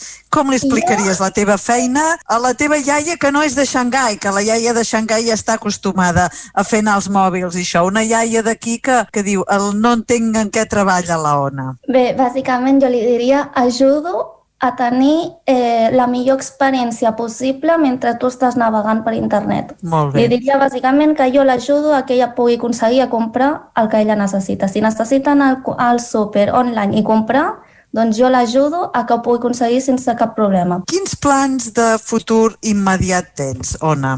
Tu ja has acabat els teus estudis, vas acabar, tal com hem dit abans, una carrera en disseny gràfic digital a l'escola Eina, després vas complementar amb un bootcamp de Web. desenvolupament web, exacte, diguem-ne, on vas aprendre a escriure codi. Quins plans tens pel futur d'estudiar, d'ampliar els teus coneixements o de feina? Bé, realment, actu o sigui, actualment estic treballant en una petita consultoria de desenvolupament web, serveis IT i disseny i realment, com, bé, com has dit, eh, no, no he acabat d'estudiar perquè en el món digital no pots acabar d'estudiar mai, sempre has de seguir estudiant i reciclant-te, perquè si no, evidentment, com que la tecnologia avança tan ràpid i el disseny també, et quedes, sí, et quedes obsolet i, i no és això. Llavors, el que jo pretenc actualment és treballar molt per guanyar experiència laboral, ja que sóc una persona jove, i que realment això, que m'acabo de graduar, no tinc tants anys d'experiència com una altra persona que porta 3 o 4 anys en el sector, i bàsicament això, poder millorar les skills que tinc i, i trobar-ne de noves que, que també em puguin ajudar a complementar i a ser millor. Un dia sortirem d'aquesta pandèmia, entren els teus plans treballar per les grans empreses digitals de Califòrnia? Sí, sens dubte. Quina és la teva top? Jo, des de que era petita, sempre havia dit algun dia treballaré a Google, ho tinc molt clar i ho penso seguir, o sigui, penso seguir intentant. Eh, M'he estat mirant cada any les coses que necessites, quines són el tipus de perfil que busquen, com fan les entrevistes, m'ho he investigat tot i un dels motius pel qual no aplico bàsicament és perquè em falten anys d'experiència laboral. Molt bé, Ona. Moltíssimes gràcies per explicar-nos de primera mà aquestes experiències amb una persona tan talentosa i tan jove i realment desitjo veure-te treballant a Google aviat i que creïs solucions extraordinàries per tots els usuaris. Moltes gràcies. A tu, merci. Espectacular aquesta entrevista amb l'Ona Solaní. Pregunta, si li féssim un test de personalitat, què ens sortiria? Us sembla que anem a l'app de la setmana? Anem-hi, anem-hi. Vinga. Ho he fet venir bé, eh? I tant. L'app d'aquesta setmana no és ben bé una app, però és una funcionalitat que està disponible en una web i que sembla gairebé com si fos una app. Si fas és un mòbil que es diu el test de les 16 personalitats. 16. Uh, responent a una sèrie de preguntes uh, que tenen un gradient des de totalment d'acord fins a totalment desacord, t'acaba donant el resultat de la teva personalitat que agrupa en quatre uh, possibilitats. Els que són analistes, els que són diplomàtics, els que són sentineles i els exploradors. La web original és en anglès, 16 Personalities, però també està disponible en castellà. De fet, aquest test està basat en els tests de personalitats creats per Isabel Briggs Myers i la seva mare, Catherine Briggs. El seu nom tècnic és Myers-Briggs Type Indicator, MBTI, i es basa en els tipus psicològics que va establir Carl Jung el 1921. Estem parlant de fa 100 anys, eh? Sí. O sigui, tot i que en la teoria es basa en uns preceptes de fa 100 anys, jo no sóc psicòloga i no sé si aquests preceptes freudinians d'en Jung encara són vàlids o no, la veritat és que aquesta web, app, eh, Sex- 16 Personalities, ja s'ha pogut donar la volta i l'ha convertit en tot un fenomen. El seu compte a Instagram, arroba 16 Personalities Official, té gairebé 40.000 seguidors. Proveu i a veure si el resultat que us dona creieu que eh, quadra amb com us veieu i tota l'analítica que us dona, com sou a la feina, els punts forts, els punts dèbils. La meva nota, un 4 de 5. Anem a les notícies. Vinga, notícies. Un de cada tres espanyols ja compra a internet cada setmana. Cada Això setmana, representa uh. un, sí, un molt. increment de més de 10 punts sí, respecte al comportament de compra en línia abans de la pandèmia. Això està tret d'un article de l'eShow Magazine, que us deixaré la referència a la web, perquè ho pugueu veure. Sí, sí, els articles més comprats són tecnologia, moda i articles per la llar. Dins de les tendències pel 2021, gairebé un 40% dels ciutadans declaren que compraran més online i més de la meitat de la població optarà per una compra híbrida que combini botigues físiques i online. I per acabar, Twitter desplega etiquetes d'advertències sobre la desinformació de les vacunes. La companyia adjuntarà avisos a la informació errònia que hagi fet un tuit advertint als usuaris que el contingut pot ser enganyós i l'enllaça amb informació de salut pública verificada. Aquestes batudes inicials de desinformació de la vacuna que van començar la setmana passada seran realitzats inicialment per persones i no per sistemes de moderació automatitzats. Twitter diu que l'objectiu és utilitzar aquestes determinacions inicials per entrenar els seus sistemes d'intel·ligència artificial per tal que a mig termini una barreja d'esforços humans i automatitzats analitzi el lloc si hi ha desinformació sobre la vacuna. L'última mesura de desinformació s'orientarà als tuits en anglès abans d'expandir-se a altres idiomes. I amb això acabem el Buscat la Vida d'avui. Us adverteixo l'entrevista de la setmana que ve. Us farà saltar totes les alarmes perquè parlarem d'ovelles que porten un GPS i que el seu pastor Carai. les controla remotament. Ostres, Guai, eh? això sembla, sembla, sembla impossible. Això existeix, doncs eh? no és impossible, no Carai. és impossible. Parlarem amb en José Ferro, que viu a, a la Franja de Ponent, i Mhm. ens explicarà com va començar a posar... No, no fem més spoilers. Us emplacem el dimarts que ve a Busca la Vida. Va, doncs dimarts que ve, ovelles amb GPS. Txel, n'estarem al cas. Moltes gràcies. Adeu. I quan són les 11 i 3 minuts, tanquem el Busca't la Vida i el que fem és acostar-vos de nou l'actualitat de les nostres comarques, les comarques del Ripollès, Osona, el Moianès i el Vallès Oriental. Territori 17, amb Vicenç Vigues i Jordi Sunyer.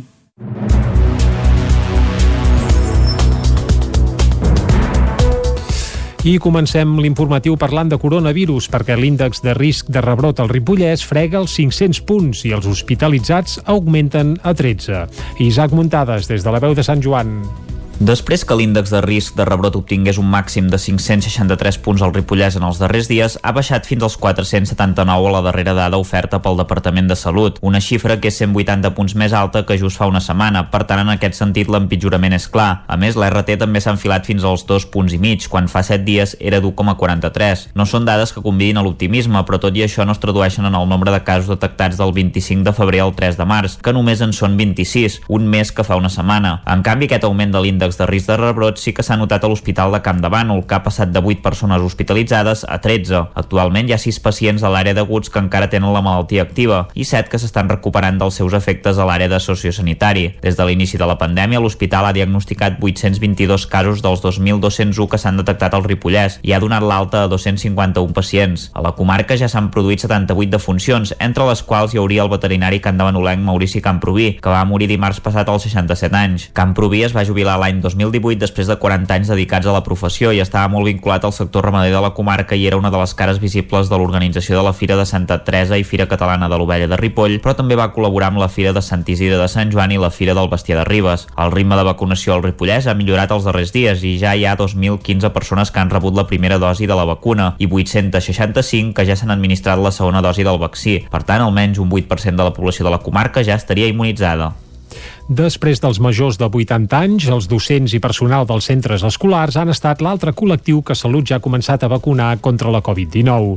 La dosi que estan rebent és la d'AstraZeneca, que està generant efectes secundaris de curta durada. Els professors i personal dels centres han d'escollir entre 37 localitats de Catalunya per vacunar-se, però entre elles no hi ha Cardedeu. Ens ho explica el David Auladell, de Ràdio Televisió Cardedeu. Personal educatiu fins a 55 anys ha començat ja a rebre la primera dosi de la vacuna. Mestres, professors i personal dels centres estan rebent un SMS per apuntar-se a una web per rebre la primera punxada de la vacuna d'AstraZeneca. A l'escola Les Aigües de Cardedeu de la cinquantena de personal de l'escola, pràcticament tothom ja ha rebut la primera dosi de la vacuna, vacuna que està generant efectes secundaris de curta durada com febre, malestar o fatiga, cosa que està provocant baixes de 24 hores.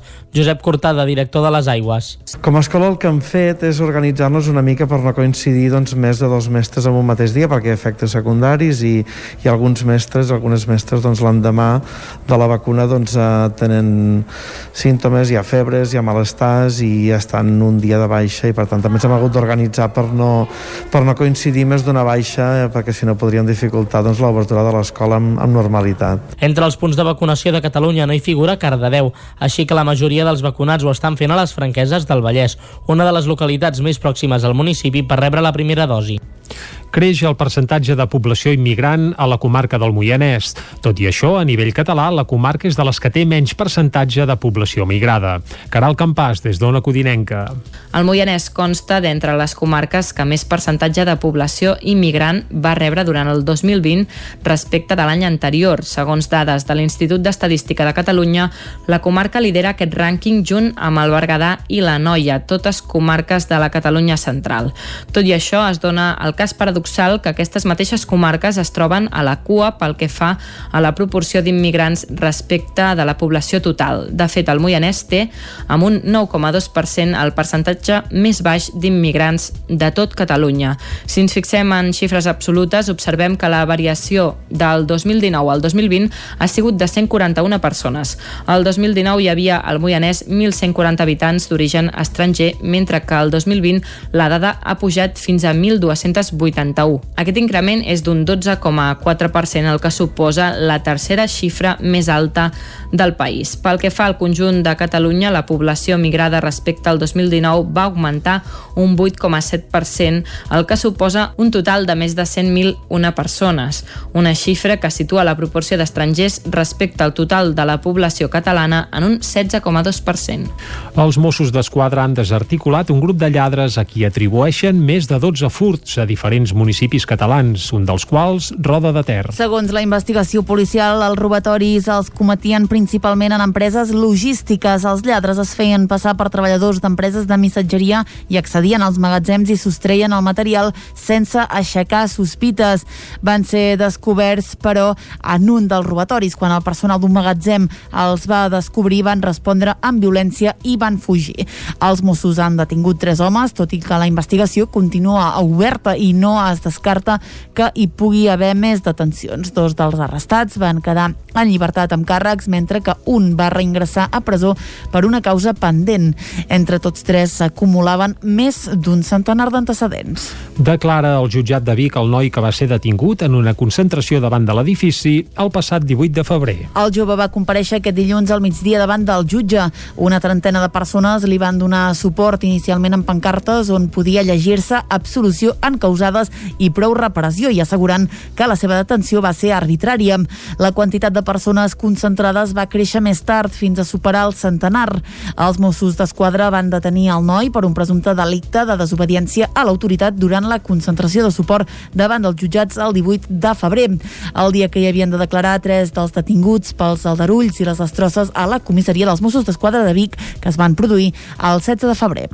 Els bars i locals nocturns són un dels sectors més perjudicats per les restriccions derivades de la Covid-19. Aquest diumenge el pub City Arms de Vic acumulava 71 dies amb el local tancat. Havia obert per última vegada amb restriccions d'horaris el 20 de desembre. Això ha fet que una bona part dels productes els hagi passat la data de caducitat. En una acció reivindicativa diumenge a la tarda entre les 5 i les 8 del vespre el local va obrir portes per regalar refrescos, cerveses o patates fregides caducades als clients que compraven una beguda a la barra. Ivet Borralleres és l'encarregada del City Arms fer com un servei de takeaway avui, on la gent pot venir a comprar tots aquells productes que encara estan bé i que encara bueno, es poden vendre i estan bons, i, i llavors, per altra banda, per cada un d'aquests productes que compren se'n poden emportar un que ja se'ls ha passat la data de caducitat, que òbviament estan en perfecte estat, però que ja no podem vendre. Malgrat la incertesa de com i quan l'alleugeriment de les restriccions els permetrà reobrir, des del City Arms confien en poder reprendre en part l'activitat a partir de Setmana Santa. Ja tenim claríssim que fins les 3 no es podrà, fins la 1 segurament tampoc, ni fins les 11. Però ni que sigui fins les 9, que ja ho havíem fet anteriorment, abans per allà al desembre estàvem oberts fins les 9 i mitja, esperem que això pugui tornar a ser així i poder obrir i veure la nostra gent, que fa molt temps que no la veiem. Les xarxes socials han estat el principal aliat aquests mesos de pandèmia per mantenir viva la relació amb una clientela fidel forjada al llarg dels 15 anys de trajectòria de l'establiment. L'equip del City Arms també ha provat de fer vermuts, però l'horari de migdia no ha acabat de resultar al seu perfil de bar. Les 11 i 11 minuts i 11 segons i fins aquí les notícies que us hem ofert amb Clàudia Dinarès, David Auladell, Caral Campàs i Isaac Muntades. I ara, abans de parlar d'economia, el que farem és obrir de nou una finestra per parlar del temps, com sempre amb en Pep Acosta. Va, anem-hi.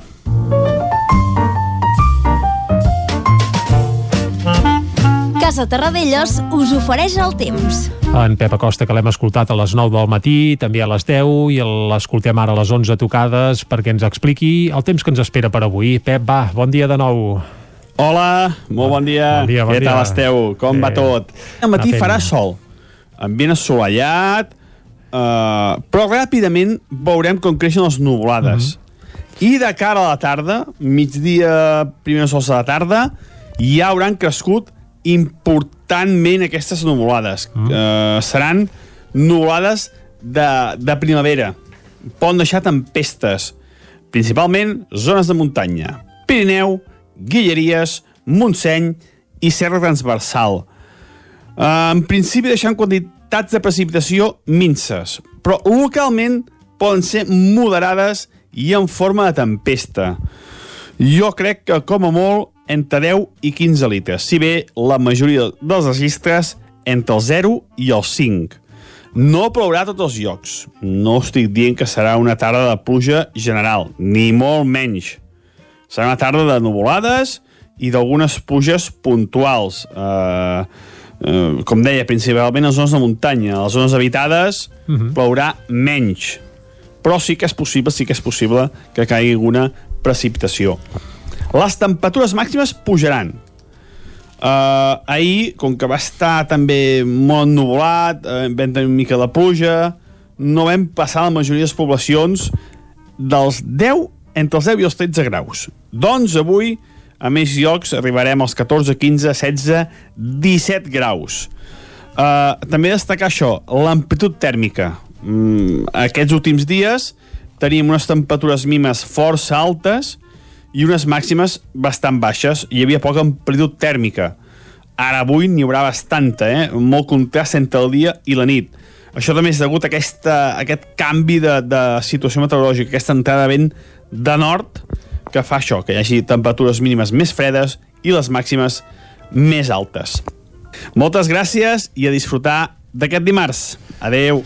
Vinga, Pep, moltes gràcies a tu i a més a més celebrem que hagi sortit el sol, portàvem uns quants dies que pràcticament no el veiem, però bé, ja ens ha quedat clar que a la tarda la cosa es tornarà a complicar, eh? que poden aparèixer nuvolades i fins i tot es pot escapar algun ruixadet. Demà passarem comptes i comprovarem si has afinat prou amb la predicció. Va, fet aquest apunt, deixem el tema meteorològic i anirem ara a parlar d'economia, com sempre, amb en Joan Carles Arredondo. Anem-hi. Casa Tarradellas us ha ofert aquest espai. Territori 17. Envia'ns les teves notes de veu per WhatsApp al 646 079 023. 646 079 023. WhatsApp Territori 17.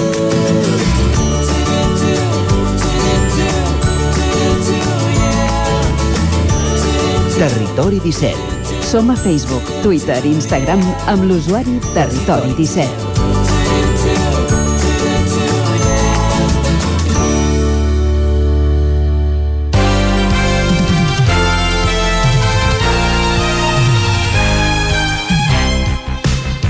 I quan és un quart de 12 del matí, el que farem és saludar el nostre economista de capçalera, el Joan Carles Arredondo. Joan Carles, molt bon dia. Economista d'urgències. No, home, no, eh, d'urgències de, de, de, de tot. Va, el, nostre economista, no posem adjectius i diguem-ho ras i clar i curt. Uh, Joan Carles, va, de què parlarem avui? De què ens parlaràs? Doncs, eh, volia, mm, volia fer una mica de, una mica de poti-poti sobre temes salarials, Fantàstic. perquè eh, hi ha una exigència mínima que, que s'hauria de poder fer qualsevol sistema econòmic, i és que els habitants tinguin la possibilitat de, de viure amb dignitat, no? Uh -huh. Aquesta premissa té múltiples, té múltiples aplicacions i algunes, com l'establiment de salaris mínims, eh, generen controvèrsies, no? no? No convencen els salaris mínims ni els que pensen que aquests salaris són massa baixos, ni els que preferirien que no n'hi hagués. Eh, aquests últims, per cert, ofereixen poques alternatives que puguin portar aquesta exigència mínima de vida digna que dèiem al principi, no? Doncs bé, la, pandèm la pandèmia ha posat fàcil que el govern espanyol eh, s'hagi doblegat a les pressions dels que prefereixen que el salari mínim interprofessional quedés congelat aquest any i s'incomplís la promesa d'anar-lo elevant per ajustar-se a les necessitats dels ciutadans que, en pandèmia o sense, han d'afrontar despeses com l'habitatge, els subministraments o la pròpia alimentació, eh, per, per citar alguns exemples. Eh? Uh -huh. En què ens hem trobat, doncs, que el salari mínim interprofessional, de moment, ha quedat congelat en 950 euros.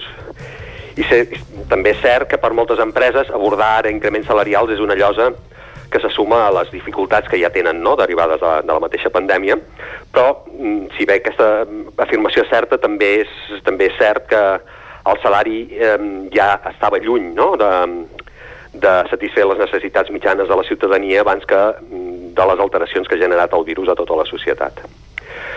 Doncs bé, hi ha un exemple de la distància entre aquest salari i les necessitats ciutadanes eh, que es pot trobar en el recent estudi de l'àrea metropolitana de Barcelona, que assenyala que el salari de referència en aquest territori hauria de ser de 1.322 euros per persona.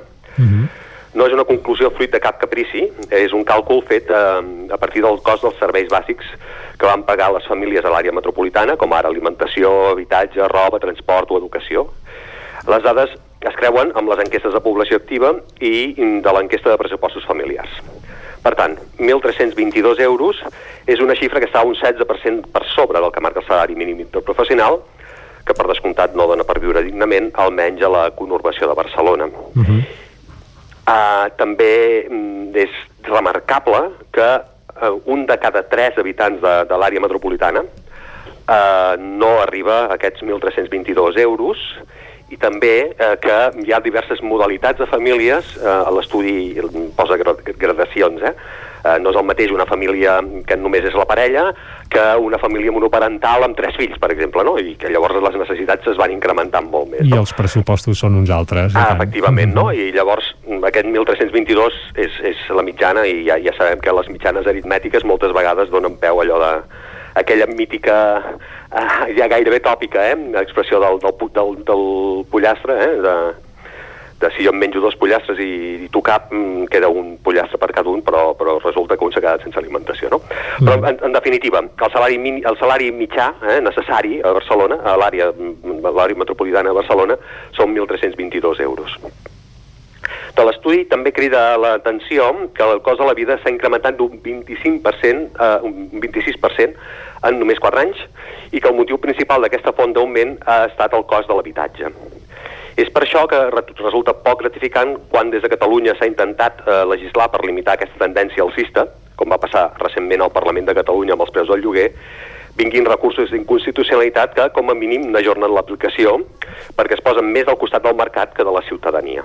Eh, Diguem-ne que, eh, en, en aquest cas, sembla clar que, que, que ha acabat passant això, no? Tampoc no deixa de ser paradoxal que els salaris tinguin una certa regulació, no? com, com s'indica que es marqui un salari mínim, uns salaris mínims que en alguns casos es poden considerar insatisfactoris, i en canvi quedin en mans del mercat factors tan determinants en el cost de la vida com ho és l'habitatge, és a dir, es legisla per una banda però per l'altra no. Mm, I això és, resulta que legislar per la banda de l'habitatge eh, és, eh, és anticonstitucional o hi ha qui ho interpreta i el Constitucional eh, actua per aturar eh, una, una llei com, com la que s'havia tramitat al Parlament. Sigui com sigui, el que mostra l'informe de l'àrea metropolitana eh, és que per viure a, la conurbació, viure a la conurbació de Barcelona té un cost molt diferent, per superior al que pugui haver-hi en altres territoris, eh, dins mateix de Catalunya, però també a dins de l'Estat. No? No, és, el- no és el mateix el, el cost de la vida a l'àrea de Barcelona que a Andalusia o Extremadura. Això és evident. Mhm. Aquest diferencial és el que motiva que, que molts estudiosos plantegin la necessitat d'establir uns salaris mínims diversos segons el territori. No és descabellat, perquè ja, ja fan així estats federals com, com Suïssa, eh, n'havíem parlat aquí, eh, que Suïssa, la, el cantó, els cantons de Girà, de Neuchâtel, de Ginebra, han Tenen establert salaris mínims, exacte, diferents en funció de, això, del cantó exacte. suís i molt elevats, perquè el que ens havia cridat l'atenció aquella vegada és que el salari mínim estigués per sobre dels 3.700 Sí, euros. això, això és el que em va quedar. sí, sí. Uns salaris mínims que aquí ni, vaja, ni els assumiem. Ni els subsumiem. Ara, ara, ara entrarem una mica amb això. Eh? Eh, els Estats Units també, eh? també ho fan, i aquests últims, eh, els la, la diferència pot arribar fins i tot a que s'estableixin salaris mínims per ciutats. Eh? Hi ha un salari mínim a Nova York. Doncs, eh, diguem-ne que no és descabellat eh, plantejar això. A l'hora d'establir aquests salaris mínims, les referències són diverses.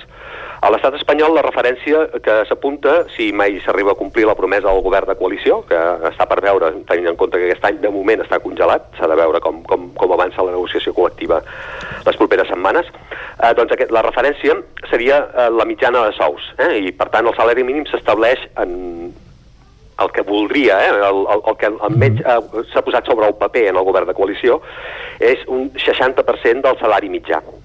Eh? És a dir, si el salari mitjà és un determinat, el salari mínim seria el 60% d'aquest, eh, d'aquesta mitjana. No? En altres casos s'estableix en funció del PIB per càpita. Amb aquest barem, barem el salari acaba tenint en compte també la productivitat. Eh? Una mica el que dèiem. Si s'aplica aquesta referència, Cat- Catalunya quedaria lluny um, perquè um, quedaria per sota del 50%, no, ja no del 60, sinó per sota del 50% del PIB per, per càpita. Um, i, i mm, això és si el salari es mantingués en 950 euros. Per tant, i en canvi Andalusia i Extremadura ho superarien amb escreix, eh? estan per sobre del, fins i tot del 70%. Però eh, és veritat que a l'estat espanyol hi ha una afecció incondicional per parlar d'igualtat entre territori. Mm, això diu poc eh, de recordar la, o sigui, la, hi havia aquella mítica frase de l'expresident Rajoy que, que deia que el territori no tenien drets que tenien les persones. Uf, aquella frase, sí. Sí, doncs Molt mítica. resulta que mm, això podria comportar una mm, confusió entre igualtat i uniformitat, eh, de, de qui mor la criatura, eh, que, diuen, que diuen. Igualtat significaria donar unes condicions de vida equiparables. Uniformitat és fixar un salari idèntic amb independència a l'entorn de cada territori.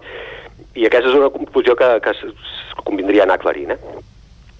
Les crítiques als increments eh, de- dels salaris mínims, provenint sovint de sectors empresarials més conservadors i amb els altaveus mediàtics habituals, assenyalen que la impossibilitat assenyalen una, que hi ha una impossibilitat del teixit econòmic per pagar 950 euros mensuals i que això, com que, no és, com que no és possible arribar a aquesta xifra, exclou del mercat laboral les persones més desafavorides. Això ve a ser un reconeixement que els productes o serveis d'aquestes empreses tenen tan poc valor afegit que no donen ni per pagar salaris que estan fins i tot per sota les necessitats dels treballadors, com dèiem. Eh? Diu poc del teixit empresarial entestar-se en una política salarial de rebaixes, i ja s'ha anat confirmant que aquesta tendència d'intentar competir per costos, eh, per costos laborals, eh, porta a situacions de tancaments d'empreses de, perquè sempre hi haurà algú disposat a treballar més barat. Aquí, a prop, de, a prop d'on soc, que jo soc a Granollers, eh, a Lliçà d'Amunt ara mateix s'està produint un procés de deslocalització que afecta 400 treballadors, 336 per ser exactes, a una empresa que es diu Bosch, que fabrica sistemes de frenat i que s'enduen la producció a Polònia perquè els resulta més barat produir allà. Diguem-ne que intentar competir per salaris mm, podia funcionar 30 mm, anys enrere, però s'ha confirmat posteriorment. Sí, ara mateix no seria la millor pràctica. Uh -huh. eh, doncs efectivament, no? Això, eh, aquesta política salarial de les rebaixes també s'ha pogut comprovar en, en, aquest, en aquest any de pandèmia. Resulta que el salari mitjà a Catalunya ha baixat un 4,6% durant el 2020. És, és més que l'Estat, que ha baixat un 3,1%. Catalunya, que era el territori de l'Estat amb els salaris més alts, ha passat de cop a la quarta posició. Són dades d'un informe d'ADECO que situa el salari mitjà a Catalunya en 1.725 euros en bruts en 12 mensualitats. El descens eh, s'explica perquè molts treballadors van passar per situacions de regulació temporal, eh, el cèlebre ERTO, i això ha significat que han cobrat un 70% de, del salari de, dels períodes en què no han estat treballant, diguem-ne, amb alguns reducció de jornada, altres suspensions de contractes, eh, doncs aquí han estat cobrant un 70%. Això és el que paga, diguem el, el sistema públic d'atur. Uh -huh. uh, els treballadors catalans hi han perdut més perquè el treball en, els sectors més afectats per les restriccions anticovid són molt nombrosos, no? Turisme, hostaleria, uh, restauració... El turisme ha sigut una aposta que s'ha considerat estratègica perquè generava un 12% del PIB, sempre ens hem quedat amb aquesta, amb aquesta màxima, i anava guanyant pes al mateix temps que la indústria en perdia. La pandèmia ha mostrat efectes greus d'aquesta política. Per resistir econòmicament millor les pandèmies i per pagar millors sous, és millor parar l'atenció a la productivitat que no pas a l'atenció de turistes. Uh, i, i de, això és una de les lliçons que hauria de donar la pandèmia sempre que s'ha parlat de la Covid, s'ha dit no, ens, ens farà millors mhm. -huh. en el moment en què es dona una possibilitat de tornar al, al, al que era abans de la pandèmia eh, tothom eh, s'hi agafa ràpidament, però potser sí que hauríem de començar a prendre algunes lliçons que deixa, no? Déu-n'hi-do, déu nhi déu aquest repàs que, que ens has fet, Joan Carles. Eh, ens quedem bé amb el dubte de ja veurem aquest any si el salari eh, mínim a l'estat espanyol acaba pujant o no. En teoria era una promesa electoral. Tu creus que acabarà pujant? Jo vull esperar que, que acabarà pujant mm. i, i és, és el que seria desitjable eh? Mm, perquè salaris més alts també vol dir més, més ingressos per l'Estat i vol dir més estat del benestar mm -hmm. el que s'ha d'aconseguir és un, un sistema que permeti que aquests sous es puguin pagar Joan Carles, t'esperem la setmana que ve aquí a Territori 17. Moltes gràcies. Gràcies a vosaltres, bon dia. I aquí a Territori 17 el que farem ara mateix és una breu pausa. Tornarem a dos quarts en punt descobrint algun racó de Catalunya. Fins ara mateix.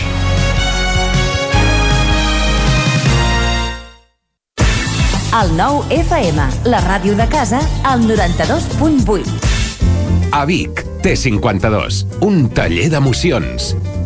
Una celebració, un reconeixement, un record, la victòria, el premi. Tenim una solució personalitzada per a cada ocasió. Ens trobaràs al centre, al carrer 941 i també a l'Horta Vermella, al carrer Menéndez Pelayo 31. Més informació a t52.cat. Amb Pradell estalvio energia i cuido la meva butxaca i el medi ambient. Posa't en mans de Pradell. Són experts en calderes de gas i condensació, estufes de pèl·let, energia solar, terres radiants, geotèrmia i aerotèrmia.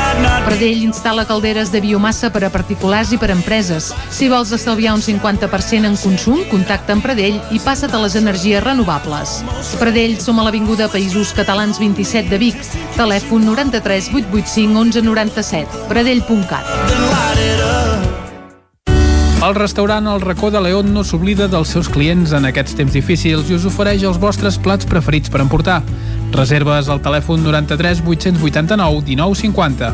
Obrim amb el 30% d'aforament. Disposem de menjador i terrassa amb totes les mesures de seguretat. Anuncia't al 9FM. La màquina de casa. 9 3 8 8 9 4 9 4 9. Publicitat arroba al 9FM.cat. Anuncia't al 9FM. La publicitat més eficaç. Coberta serveis funeraris. Els nostres tanatoris estan ubicats en els nuclis urbans més poblats de la comarca d'Osona per oferir un millor servei. Tanatori de Vic, Tanatori de Manlleu, Tanatori de Centelles i Tanatori de Roda de Ter. Sabem que són moments difícils i per això el nostre compromís és atendre-us en tot moment amb un tracte humà, sensible i respectuós. Coberta serveis funeraris. Telèfon 24 hores 93 883 23 46.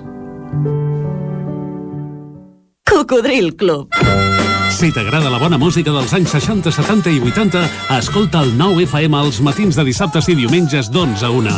És el temps del Cocodril Club, tot un clàssic de la ràdio, amb les bases del pop-rock, les llegendes, les cançons que s'han convertit en autèntics himnes. Recorda, dissabtes i diumenges al matí, d'11 a 1, al 9 FM 92.8. Cocodril Club, el programa revival de l'Albert Malla. Hasta luego, cocodrilo.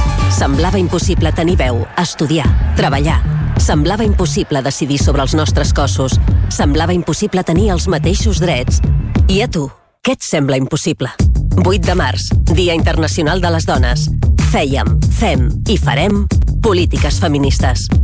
Diputació de Barcelona. El 9 FM, el 9 FM, el 9 FM, el 9 FM. Territori 17.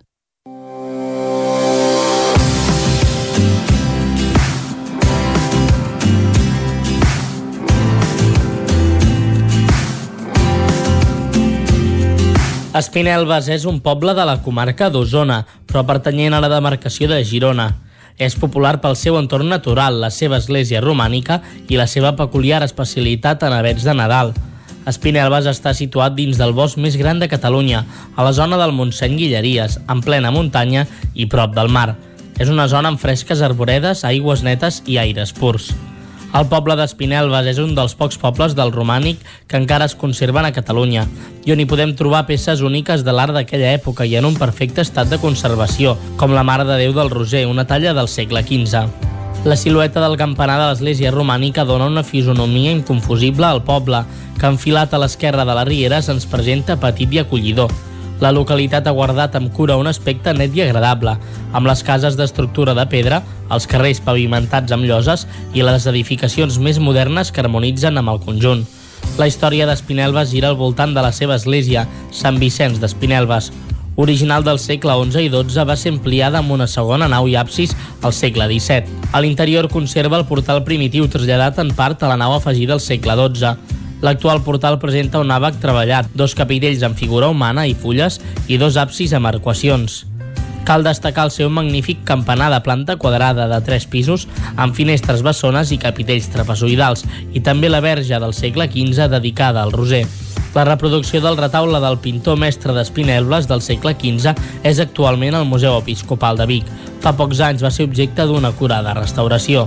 I parlant d'Espinelves no podem deixar de parlar també de l'Arbreda de Mas Joan, un espai d'interès nacional amb arbres monumentals.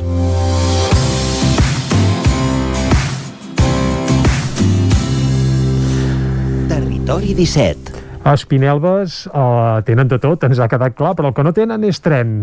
Per això hi anem aquí, a Territori 17, cap a la Trenc d'Alba. Vinga, anem-hi. A Trenc d'Alba, edició pandèmia. Ara sense els usuaris que ens explicaven les seves desgràcies a la R3, però amb els mateixos retards i problemes de sempre. Benvinguts a Tren d'Alba. Ahir us vàrem començar a parlar sobre l'adjudicació de les obres a l'estació de Vic per part de Renfe que va publicar el diari El 9-9. Unes obres a la part de l'exterior de l'edifici històric que han de servir per evitar despreniments a la façana, els quals es van detectar fa 4 anys, quan uns operaris procedien a pintar les parets exteriors d'aquesta estació inaugurada l'any 1910. Ha plogut des d'aleshores i és força normal que hi hagi alguns despreniments. Aquests despreniments els van detectar especialment a la zona del rellotge que hi ha a la part central. A partir d'aquell moment es van inhabilitar la meitat de les boques d'accés d'accés que donen a la plaça de l'estació i es va protegir una part del vial, envaint el carril bici. Més tard es van revertir aquestes mesures quan es va protegir tot el perímetre de l'edifici amb una xarxa volant. L'estació de Vic era utilitzada per més de 4.000 viatgers de mitjana en un dia feiner abans de declarar-se la pandèmia de la Covid-19. Bé, sembla que darrerament Renfe i Adif estan donant senyals de vida, ja sigui per construir passeres a Ripoll per poder creuar les vies amb més seguretat, per arreglar les escales mecàniques de la mateixa estació de Vic o ara amb aquesta obra. Va, ara sí que anem pel bon camí. Ens retrobem demà amb més històries del tren i de l'R3. Territori 17.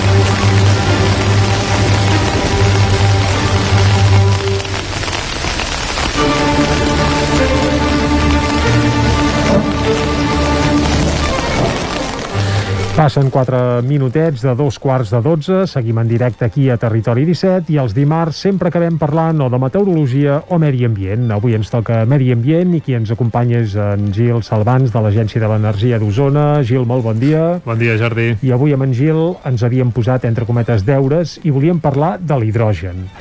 Uh, de l'hidrogen sobretot com a energia perquè sí que és cert que en, des d'alguns àmbits uh, s'està venent que pot ser un substitut, per exemple, de l'energia nuclear eh, a mig termini.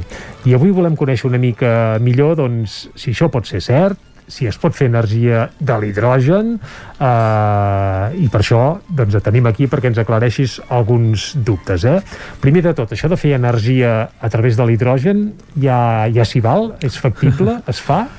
Es fa, és factible i ja s'hi val. Ara, mm, mm -hmm. quan anem a mirar els rendiments eh, la capacitat eh, i tot això um, la cosa diguéssim eh, mai millor dit està verda encara és a dir, mm -hmm. hi ha dos tipus d'hidrogen eh? l'hidrogen gris o hidrogen negre que se'n parla, que és l'hidrogen que treuen a través del gas natural eh, que aquest, eh, per exemple la petroquímica de Tarragona en fan servir mm -hmm. quantitats molt importants i, eh, i després hi ha el que ara es comença a parlar molt i de fet Uh, com has dit, ens vam posar deures perquè jo no sóc expert en hidrogen i, mm -hmm. i aquí a la comarca no tenim cap, mm, a dia d'avui, cap... Uh, ni cap projecte, projecte ni, ni cap uh, a diferència previsió dels, eh, de que tiri sí. endavant. Però vaja, cap a les Terres de Tarragona que citaves se'n parla abans, molt, sí, sí, sí que se'n parla més. Parla, eh? I sí, de fet, si fiques hidrogen verd al, al, Google, diguéssim, mm. al Sant Google, al buscador, eh, te n'adones que molts diaris han fet articles d'aquests d'hidrogen verd, hidrogen verde, no sé què.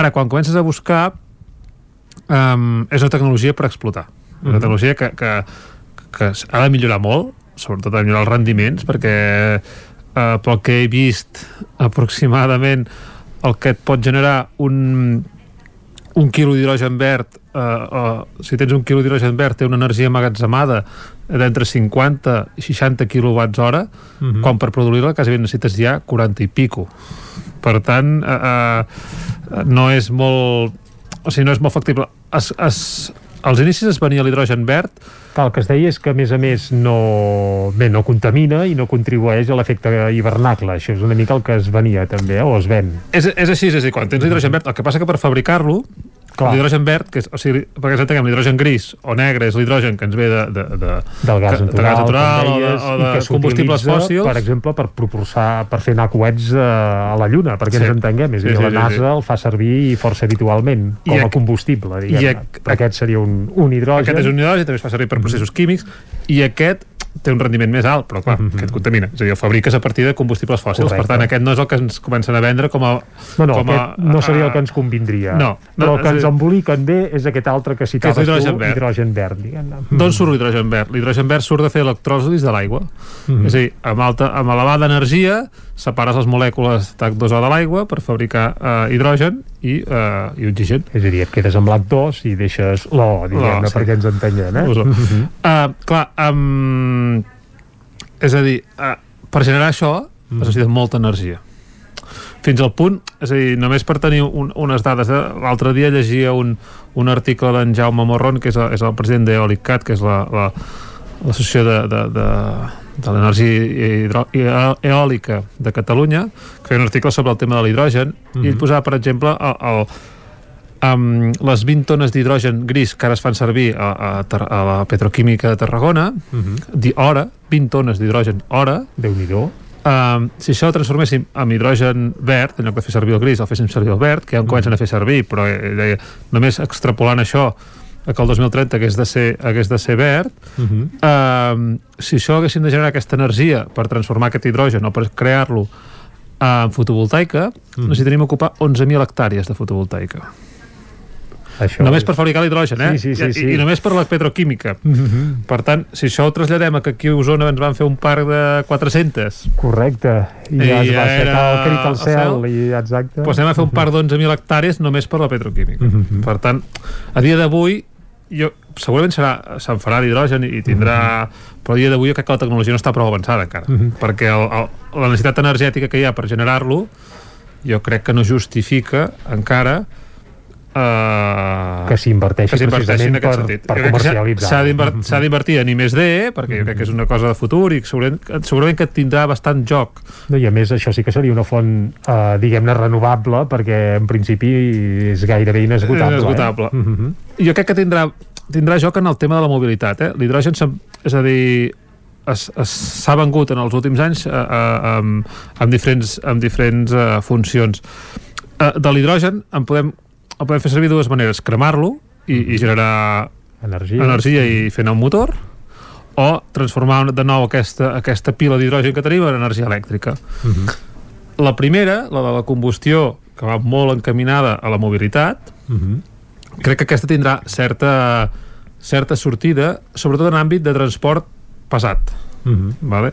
L'hidrogen amb menys pes pot portar més energia que les bateries actuals de, de vehicles, perquè ens entenguem vehicles dir, elèctrics. a, a mig termini podríem veure bateries o piles, bé, piles d'hidrogen, crec que ja existeixen, però Sí. bateries d'hidrogen. Sí, és a dir, podríem veure camions, autobusos, etc que ja existeixen i que comencen a funcionar. Hi ha països com Dinamarca i aquests que hi han apostat, i, i alguns països que hi han apostat força, que flotes de transport grans, de camions, um, puguin funcionar amb hidrogen, una bona part. És a dir, no van amb combustibles fòssils, sinó, que ja eh, van amb hidrogen. hidrogen. Però llavors ha de ser l'hidrogen eh, perquè tot sigui la transició energètica sigui com Clar. ha de ser hidrogen verd eh? Hauria, llavors hauria de ser hidrogen verd, llavors correcte. Uh -huh. sí que aquí darrere a mi em sembla que darrere del tot o sigui, em sembla que tota aquesta venda d'hidrogen actual és una mica de, de, de bomba de fum per Mhm. veure on pot anar per això i sobretot impulsat pels, pel gran sector energètic eh? és a dir, el que no podrà fer o sigui, el que no podrem fer a través d'hidrogen és jo fabricar-me hidrogen a casa Ah, no, tenir una petita Una planteta petita a casa planteta. per fer anar l'aigua calenta i l'escalfador, no. ningú s'ho... Per tant, fa. quan alguns altres dies que n'hem parlat, de quan parlem de la transició energètica ha de ser canvi de model en el sentit de canvi de recursos i de fons i també canvi de sistema i que no estigui en mans de cinc, sinó que sigui una cosa molt més democratitzada, democratitzada distribuïda pel país, etc. És a dir, en aquest futur model tu no hi veus l'hidrogen, eh? El veig en petita escala, no el veig com, la, com això que venen que l'hidrogen verd serà la revolució. Em se- és a dir, um, també fins i tot parlant amb, amb persones del sud, eh, perquè ja fins i tot el, quan van sortir els 27 projectes seleccionats per la Generalitat, pels New Generation, etc. un d'ells era hidrogen verd del sud de Catalunya i li posaven un, un nom així mig anglès que semblava que quedava molt bé. I quan parles amb gent del territori d'allà baix tothom els hi fa molta por. És a dir, ells ja sembla, els hi sembla que tenen Home, estan acostumats a, a conviure, vaja, més que viure, conviure amb energia nuclear, ja només Clar, els hi faltaria no, ara a dir, conviure amb Els hi sembla que és el mateix, ens sembla que diu, alguns ha vengut com que aquest sistema serà distribuït Mhm. i ens sembla que amb l'hidrogen ens volen tornar a colar que allà baix eh, tinguem fabriquem l'hidrogen verd però també fabriquem tota l'energia per fabricar l'hidrogen verd perquè aquest és el Mhm. problema de l'hidrogen verd eh, que al costat o pròxim ha Mhm. d'haver-hi molta font d'energia i si aquesta no és renovable ja tanquem, no, no, no, no fem la transició Mhm. per tant la sensació és aquesta és que les, i de fet mm, algunes eh, ens han, se'ns han presentat algunes empreses ens han fet algunes consultes de, o presentar projectes i qui hi ha darrere els projectes aquests d'hidrogen actualment són, les, són els propietaris de centrals nuclears, de petroquímiques, És etc. tot plegat, eh, perquè ens entengui la gent que ens escolta des de casa, és més un projecte dels grans oligopolis que ja controlen el mercat de l'electricitat mundial per seguir així, per seguir estant en mans de pocs, que no pas potser una manera de democratitzar la generació d'energia. Aquesta és, la, aquesta és la sensació dia d'avui, és a dir, sí que et diuen, no, ja tenim una prova pilot d'una petita eh, eh, planta de fer hidrogen per, per vehicles, que amb dos o tres sortidors i, i pots generar poc. Tots són proves pilot. Diu, no, tenim una prova pilot a Alemanya, una prova pilot a no sé on, però realment instal·lat i que funcioni, a petita escala no hi ha res. i les dades a gran escala no són molt bones eficientment. De fet, uh -huh. quan vas mirant articles, hi ha un article que et diu l'hidrogen començarà a tenir un preu de mercat i de uh -huh. el 2030. Vale. Això per tant, falten uns quants dies. Falten uns quants dies d'aquí a allà i hem d'haver reduït eh, segons la Unió Europea, un 50% les emissions. Per tant, mm, haurem d'haver posat moltes renovables a, a, abans de, de tenir un preu eficient de l'hidrogen. També alguns estudis que et comparen el vehicle d'hidrogen i el vehicle elèctric uh -huh. eh, es parla de que aproximadament per fer 100 quilòmetres amb un, amb un vehicle d'hidrogen necessites 50-60 quilowatts hora d'energia elèctrica per a la que es perd, de la transformació, etc. Un vehicle elèctric amb 15-16 quilowatts hora eh, fa 100 quilòmetres. Uh -huh. Si comptes tot el que es perd de la transport i tot això, te'n vas a uns 25-26 quilowatts hora cada 100 quilòmetres. Per tant, és la meitat. Uh -huh. o, menys de, o sigui, menys de la meitat actualment d'energia. I una cosa hem de tenir clara, mm, i sempre i, i de vegades ens ho descuidem molt eh? i jo sóc el primer que m'ho descuido si volem fer la transició energètica el primer punt és eficiència energètica Mm. i reduir consums i ser la indústria sigui més eficient aïllaments, eh, evitar i l'hidrogen aquí hi encaixa d'aquella manera, perquè per produir-lo hem, de, hem de gastar hem de, produ- Molta energia. hem de gastar Mhm. molta energia i de moment tot el que va, les dades que hi ha sobre la taula no anem a una cosa més eficient. És anem a una cosa com que sembla que, sí, que no és, que és, Bé, que és l'avantatge és que és, entre cometes, inesgotable, Inesgotable. que sembla que per aquí dius, ostres, això sí que és eh, bé, eh, barat i etern, i tindrem, sí, sí, però evidentment també té molts eh, contrapunts. I te'n volia comentar un parell, perquè diuen l'hidrogen també és altament inflamable, oi? O no? Per Ah. tant, ens podríem trobar amb, bé, va, amb sorpreses, amb desgràcies, potser. L'hidrogen és altament explosiu, inflamable Mhm. explosiu, sí, sí. De fet, uh, sí, sí, si És es a fa dir, que, sigui, recerca... que sigui net no vol dir, perquè en teoria seria, que seria una font neta d'energia, però clar, no vol dir que no pugui explosionar, eh? Mm, Sí, sí, sí. De Mhm. fet, hi ha hagut algun, algun accident amb alguna gasolinera de la zona, em sembla que va ser Dinamarca, que va paralitzar les noves construccions de, de gasolineres d'hidrogen. Em sembla que van tornar a obrir, eh? però em sembla que va ser el 2018-2019 que van paralitzar-ho perquè havien explotat un parell de gasolineres Carai. per impactes, eh? I, Mhm. i amb, amb, no sé si amb morts, però amb ferits sí, i, i, vull dir que és un, és un combustible que té una sèrie de, de, de requisits. Jo a dia d'avui, és a dir, mm, ja et dic, em sembla que hi ha un sector econòmic que el vol potenciar, perquè és un lloc on cal molta inversió, on que està parlant d'una- energia o una font energètica que es mou a gran escala i per tant això a alguns els interessa molt que sigui a gran escala però els rendiments, els valors eh, tot el que vas llegint eh, em- fan sospitar que a dia d'avui no està, no, la tecnologia està prou avançada per, perquè pugui competir amb la eòlica o amb la solar Uh, un altre aspecte, per acabar de, d'enterrar amb tot el carinyo l'hidrogen, és que també és molt difícil d'emmagatzemar, oi? Sí, és una mica per lo mateix, eh? És, és a dir, és, és, un gas, és molt volàtil i, i, i, i ex- explosiu, per tant, eh, um, bueno, es necessiten estructures.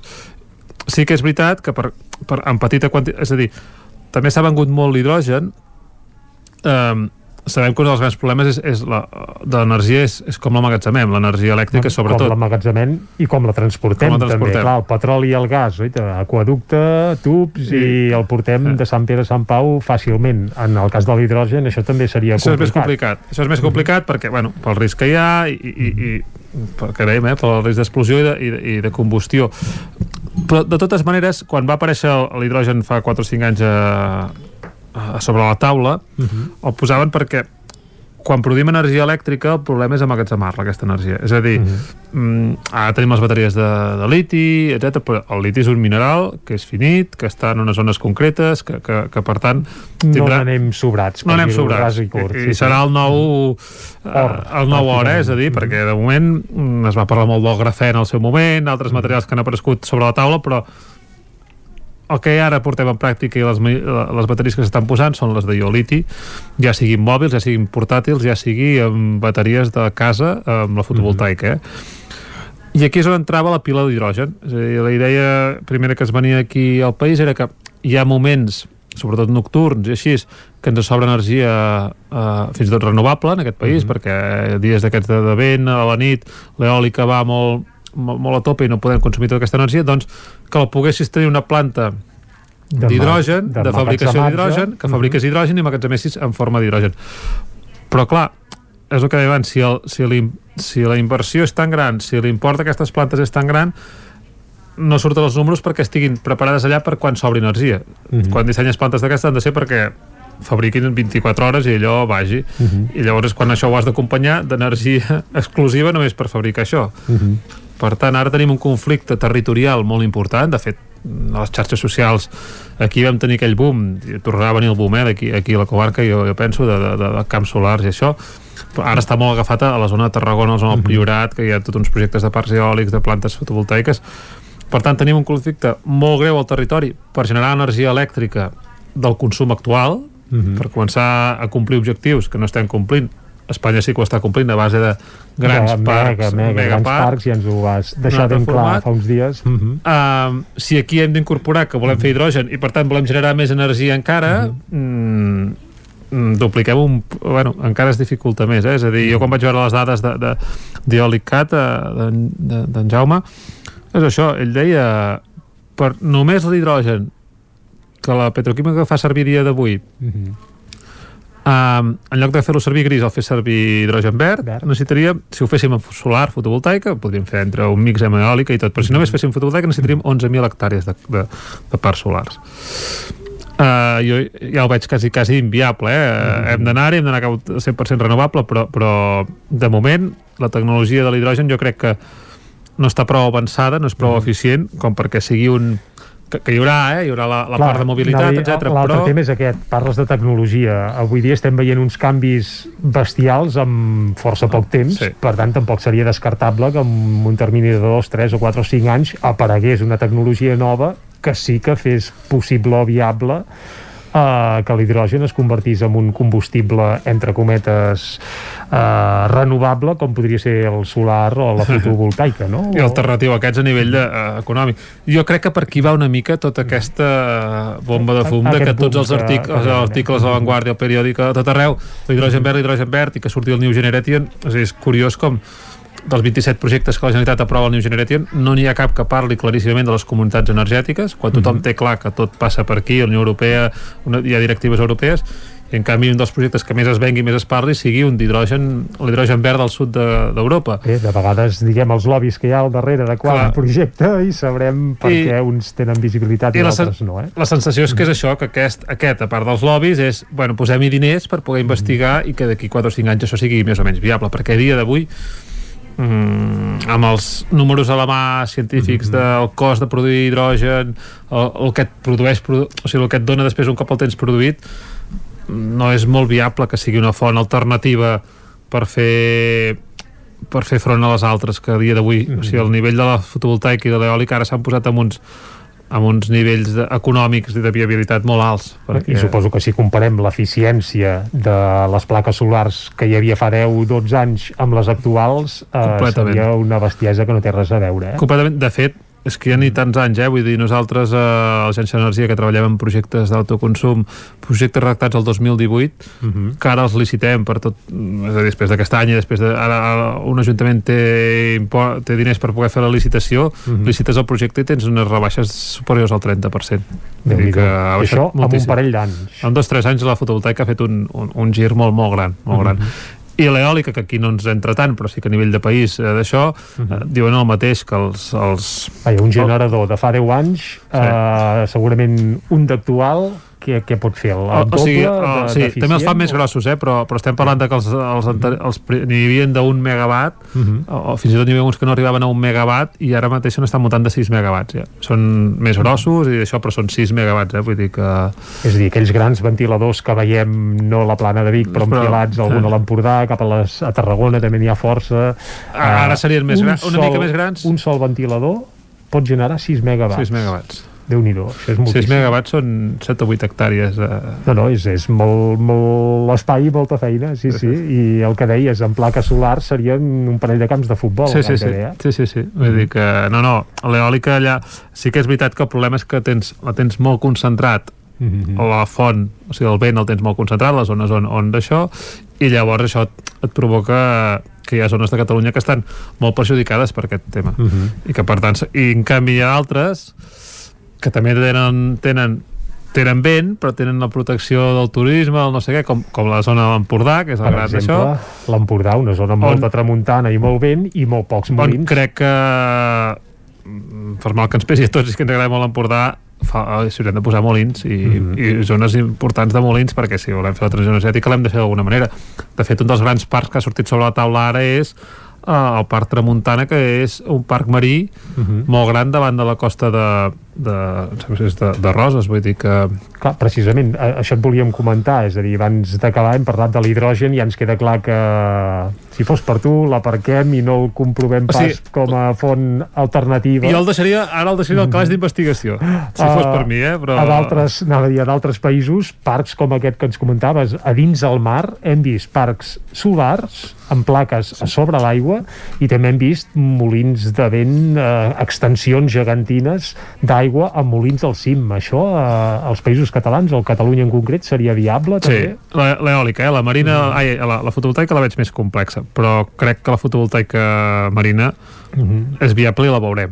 Mm -hmm. veurem. O sigui, el parc aquest de Tramuntana està dins, de la, ja està dins del govern, està dins de, el registre de renovables, mm -hmm. eh, sé que hi ha oposició perquè el veu molt gran, etc. per tant segurament com tot s'haurà de modular s'haurà de veure mm -hmm. què, què sí, què no però clar, és que la província de Girona té una deficiència energètica brutal, vull dir, no té cap central de producció important, eh, etc. Vull dir que si doncs volem fer una transició no, energètica... Per no tenir, no tenen ni, ni hidràulica, diguem Quasi, quasi, vull dir que no tenen ni nuclears, no tenen eòliques, no tenen grans extensions solars, per tant, Uh, uh, serà una zona on, on... Deixa'm dir que el que sí que tenen molt a prop és l'estat francès, que és un gran exportador d'energia i sí. precisament per allà passa la mat, també. Sí, eh? sí, sí, sí. Això, aquest és el, el gran... Mm. És, és el tema aquest, eh? però per tant si parlem molt de transició energètica, democratització, distribució, mm -hmm. tot el territori, cada territori tindrà la seva, mm -hmm. el seu impacte, eh? I, i en les zones de mar, de fet, hi havia hagut un, es va, es va paralitzar, però fa uns quants anys hi havia hagut un projecte d'investigació de, de la eòlica marina per davant, fer energia per a través de les onades, fins sí. i tot. La, aquesta també, la, la, la mareomatriu serà una altra, eh? Aquest, mm -hmm. Potser el mar Mediterrani no té aquests moviments tan importants, mm -hmm.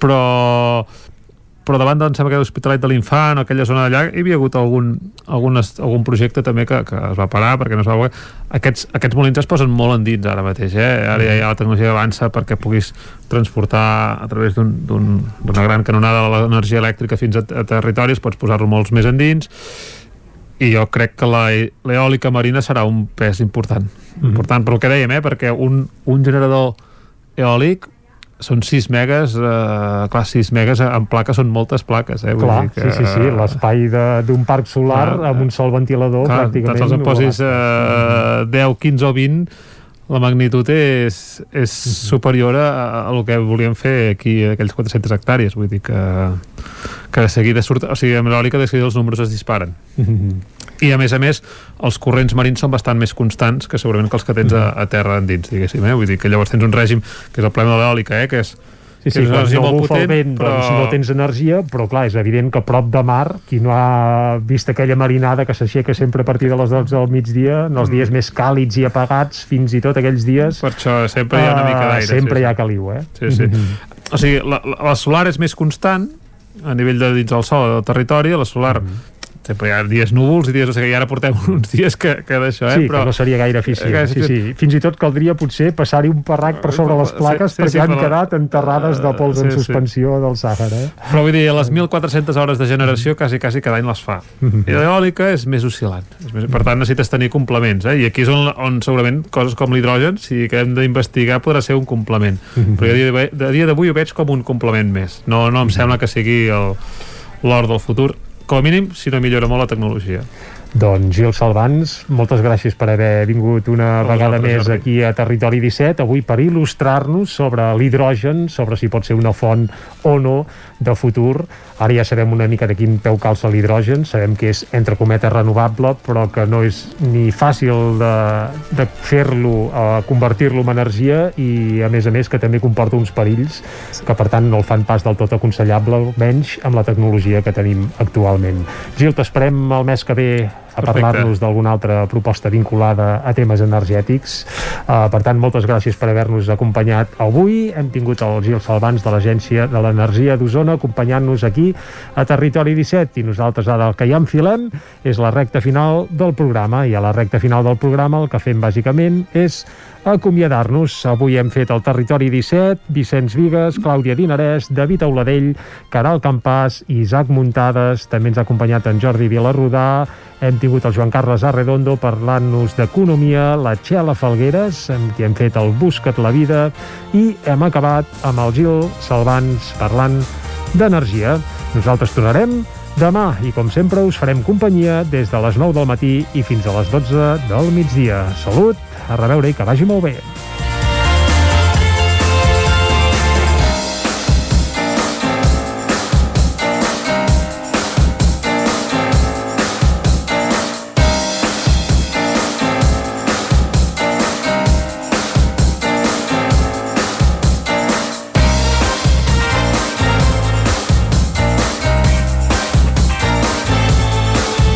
Territori 17, un magazín del nou FM. La veu de Sant Joan. Ona Codinenca i Ràdio Cardedeu amb el suport de la xarxa.